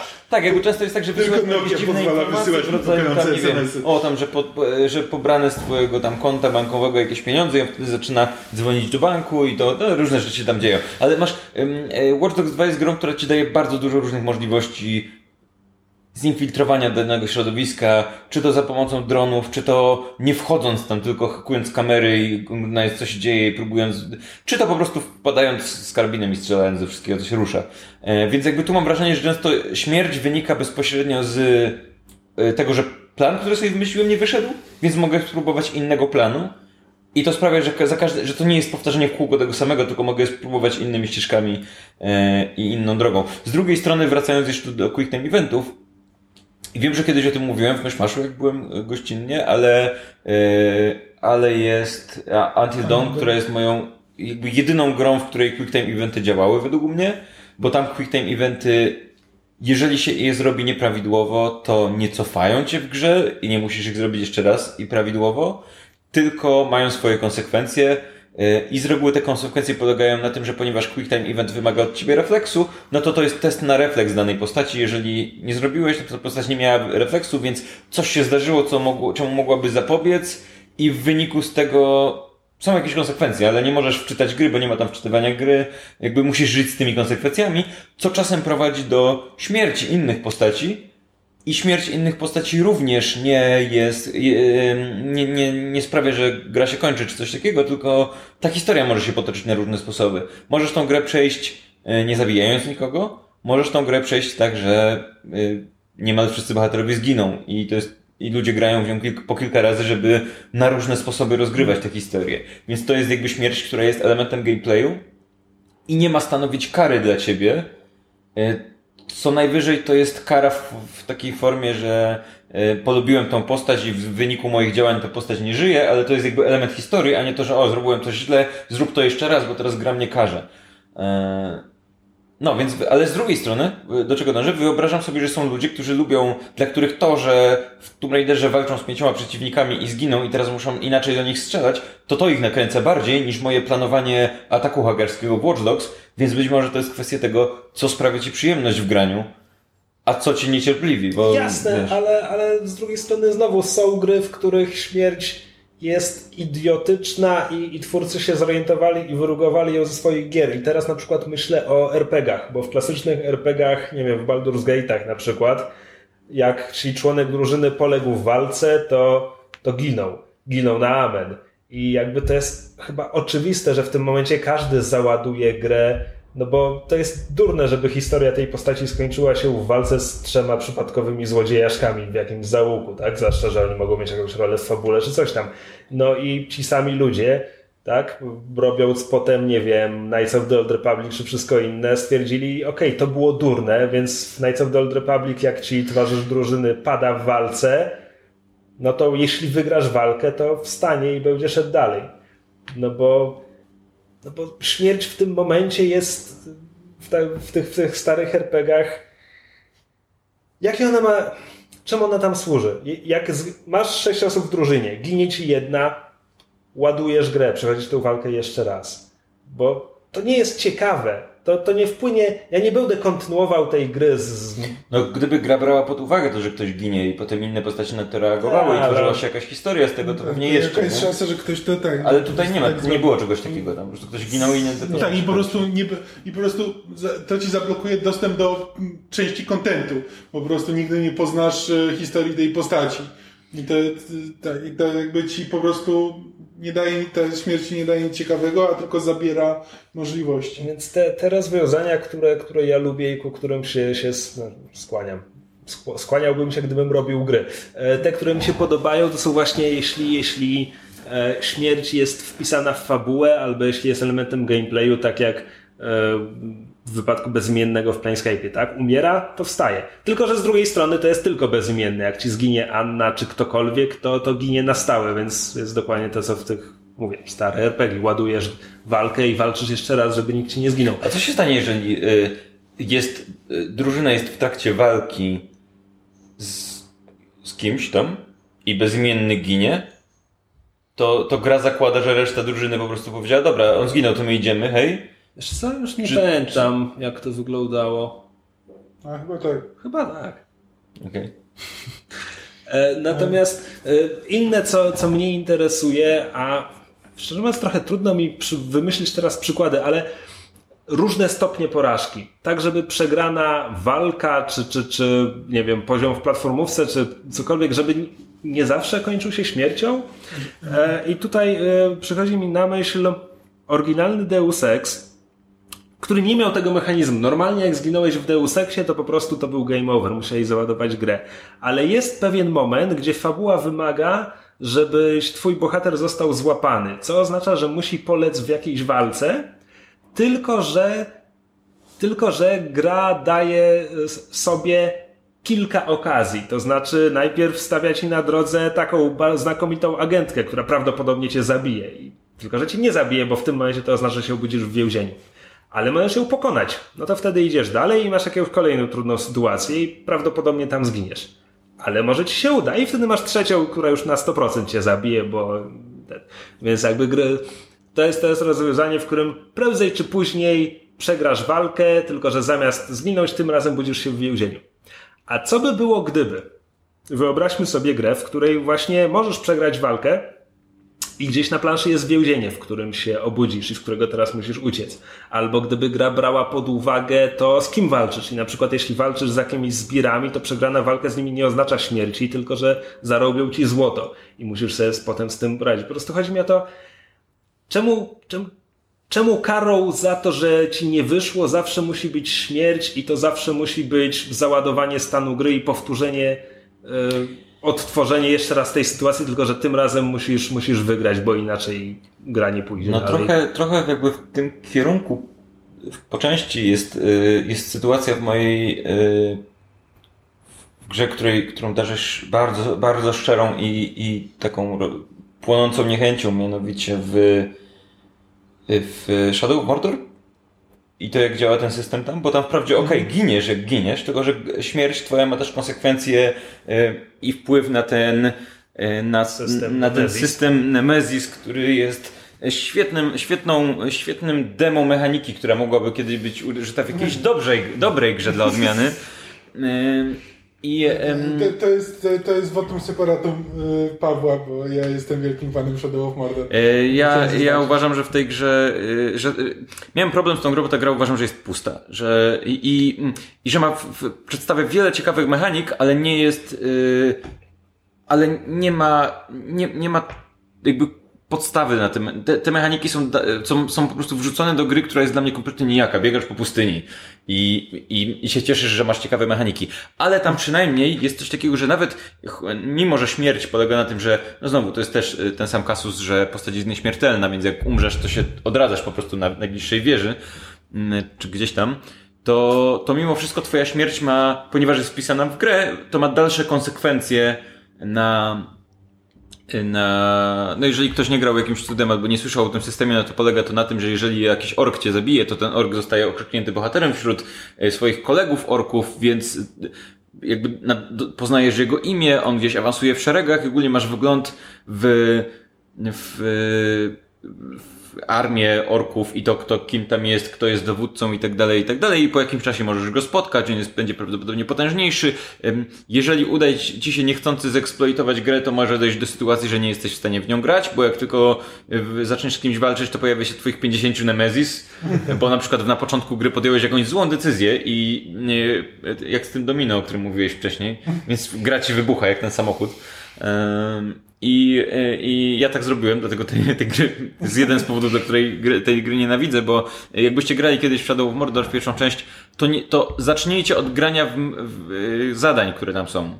Bo jak na początku stwierdzicie, a pobawię się open worldem, to jest szansa, że jako ta bardzo początkująca postać em, zrobicie sobie bardzo szybko bardzo potężnego Nemesis i potem odkopanie się z tej sytuacji, jak się zeksploituje, antyeksploit, czy jest jakaś negatywna wersja exploitu, że eksploitujesz coś, ale tak, że nie masz tego korzyści, tylko coś tracisz, ale...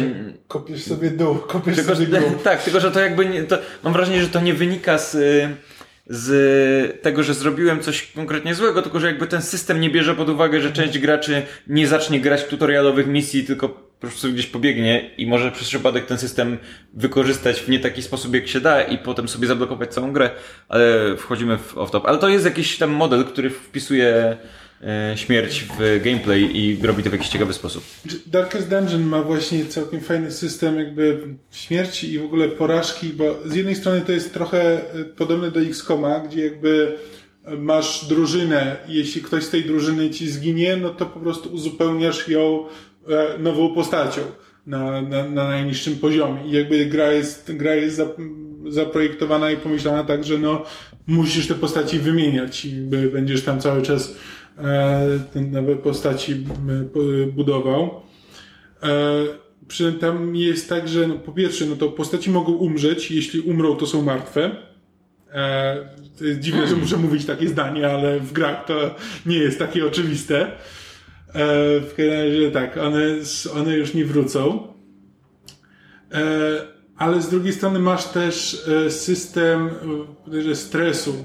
Znaczy tam różne rzeczy, na przykład to jeśli nie masz jeśli skończą ci się pochodnie i musisz chodzić w mroku, to całej drużynie rośnie stres, albo jeśli ktoś umrze z drużyny przy tobie, to rośnie stres. Tam i różne inne sytuacje powodują też, że, że rośnie ten stres. I jeśli jakiejś postaci ten stres tam wzrośnie na tam, e, odpowiedni poziom, no to najpierw e, e, to, to, to ona jakby przechodzi kryzys i dostaje z te, i na podstawie tego kryzysu może dostać to mo, mo, mogła być zarówno pozytywna, jak i negatywna cecha. Znaczy, że e, w zależności od tego, czy z tego kryzysu po prostu wyszedł e, obronną ręką, czy nie, to albo staje się trochę bardziej szalony i na przykład nabawia się jakiejś fobii, e, albo, albo radzi sobie z tym kryzysem i uczy się tam jakiejś pewności siebie. ale w każdym razie to powoduje jakby te, te ciągłe i te, to, że te postaci jakby ciągle dostają kolejne schorzenia, jakby sprawia, że nawet jeśli masz jakiegoś przekozaka w swojej drużynie, jakby swoją ulubioną postać i jakby ją pod, budujesz e, przez, przez dłuższy czas i ona w którymś momencie zginie, to ona prawdopodobnie zginęła w momencie, kiedy już miała kilka tych fobii, bo nie da się tego uniknąć, bo w którymś momencie ona trafi po prostu, te, te, ten, stres, ten stres po prostu ją dogoni e, i, i prawdopodobnie no, ona jest mocna w wielu sprawach, ale też ma tyle różnych dziwnych, ukrytych wad, że no, że właściwie trudno, no to zaczniesz kimś nowym i tym razem e, i, zno, i znowu go będziesz budował, a, a, w tym, a w tym czasie na miejsce tego twojego przekozaka wejdzie inny, trochę mniejszy kozak i jego będziesz teraz budował.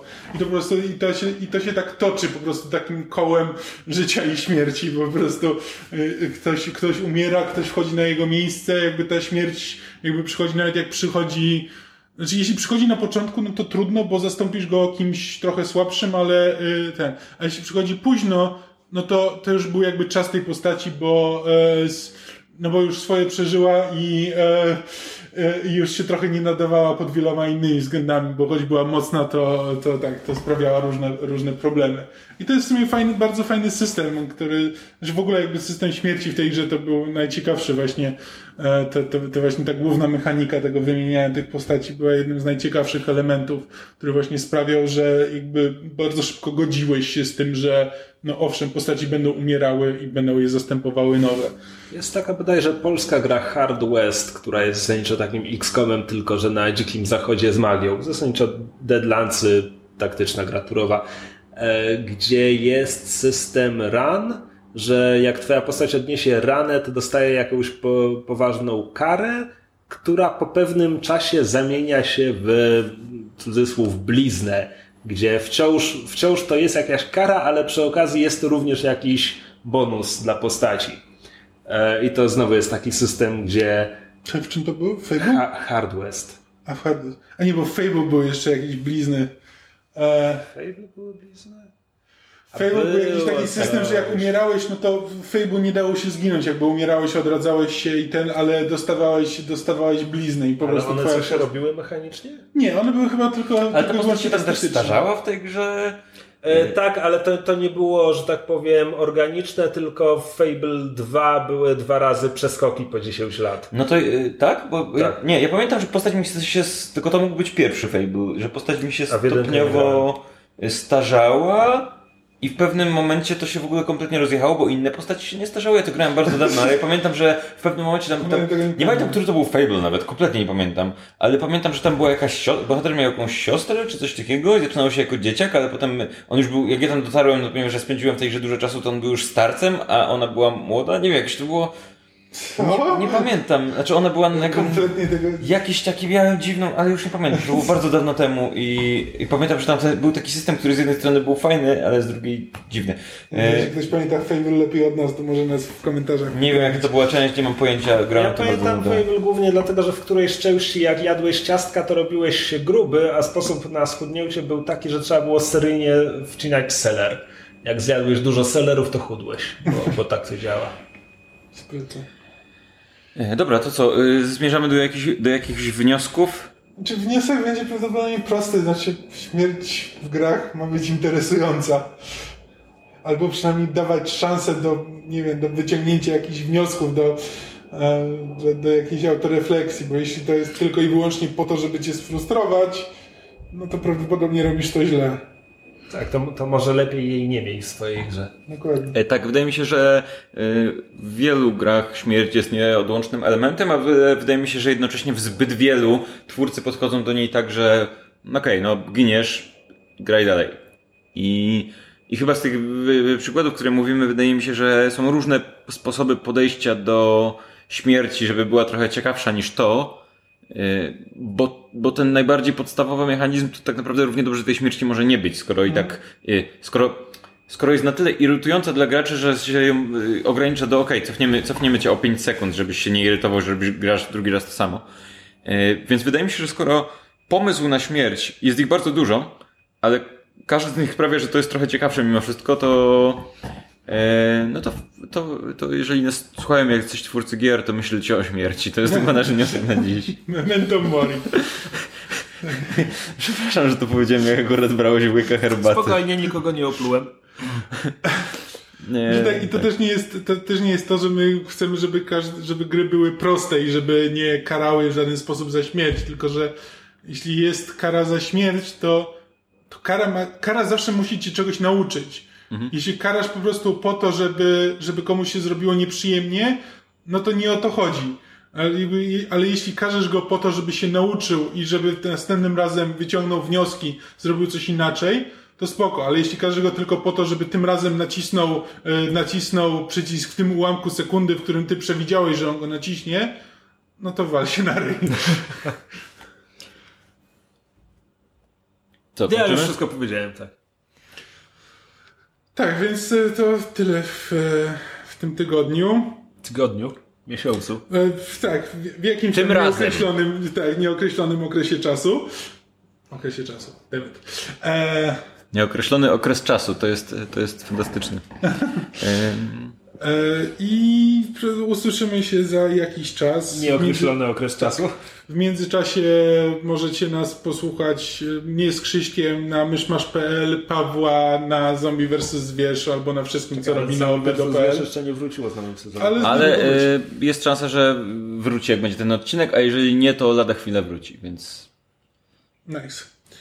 E, A tak poza tym to followujcie też nas na podsłuchane.pl albo na, po prostu na fanpage'u podsłuchane, bo, e, bo to jest nasza sieć podcastów, w której wszystkie, e, w której znajdziecie najciekawsze podcasty o popkulturze na w tym świecie. kraju. Niech będzie, że na świecie. We wszechświecie. Dobra, możemy, tak, możemy się tak umówić. W multiversum. Więc dajcie e, znać, jakie, jest, jakie są wasze wnioski o śmierci.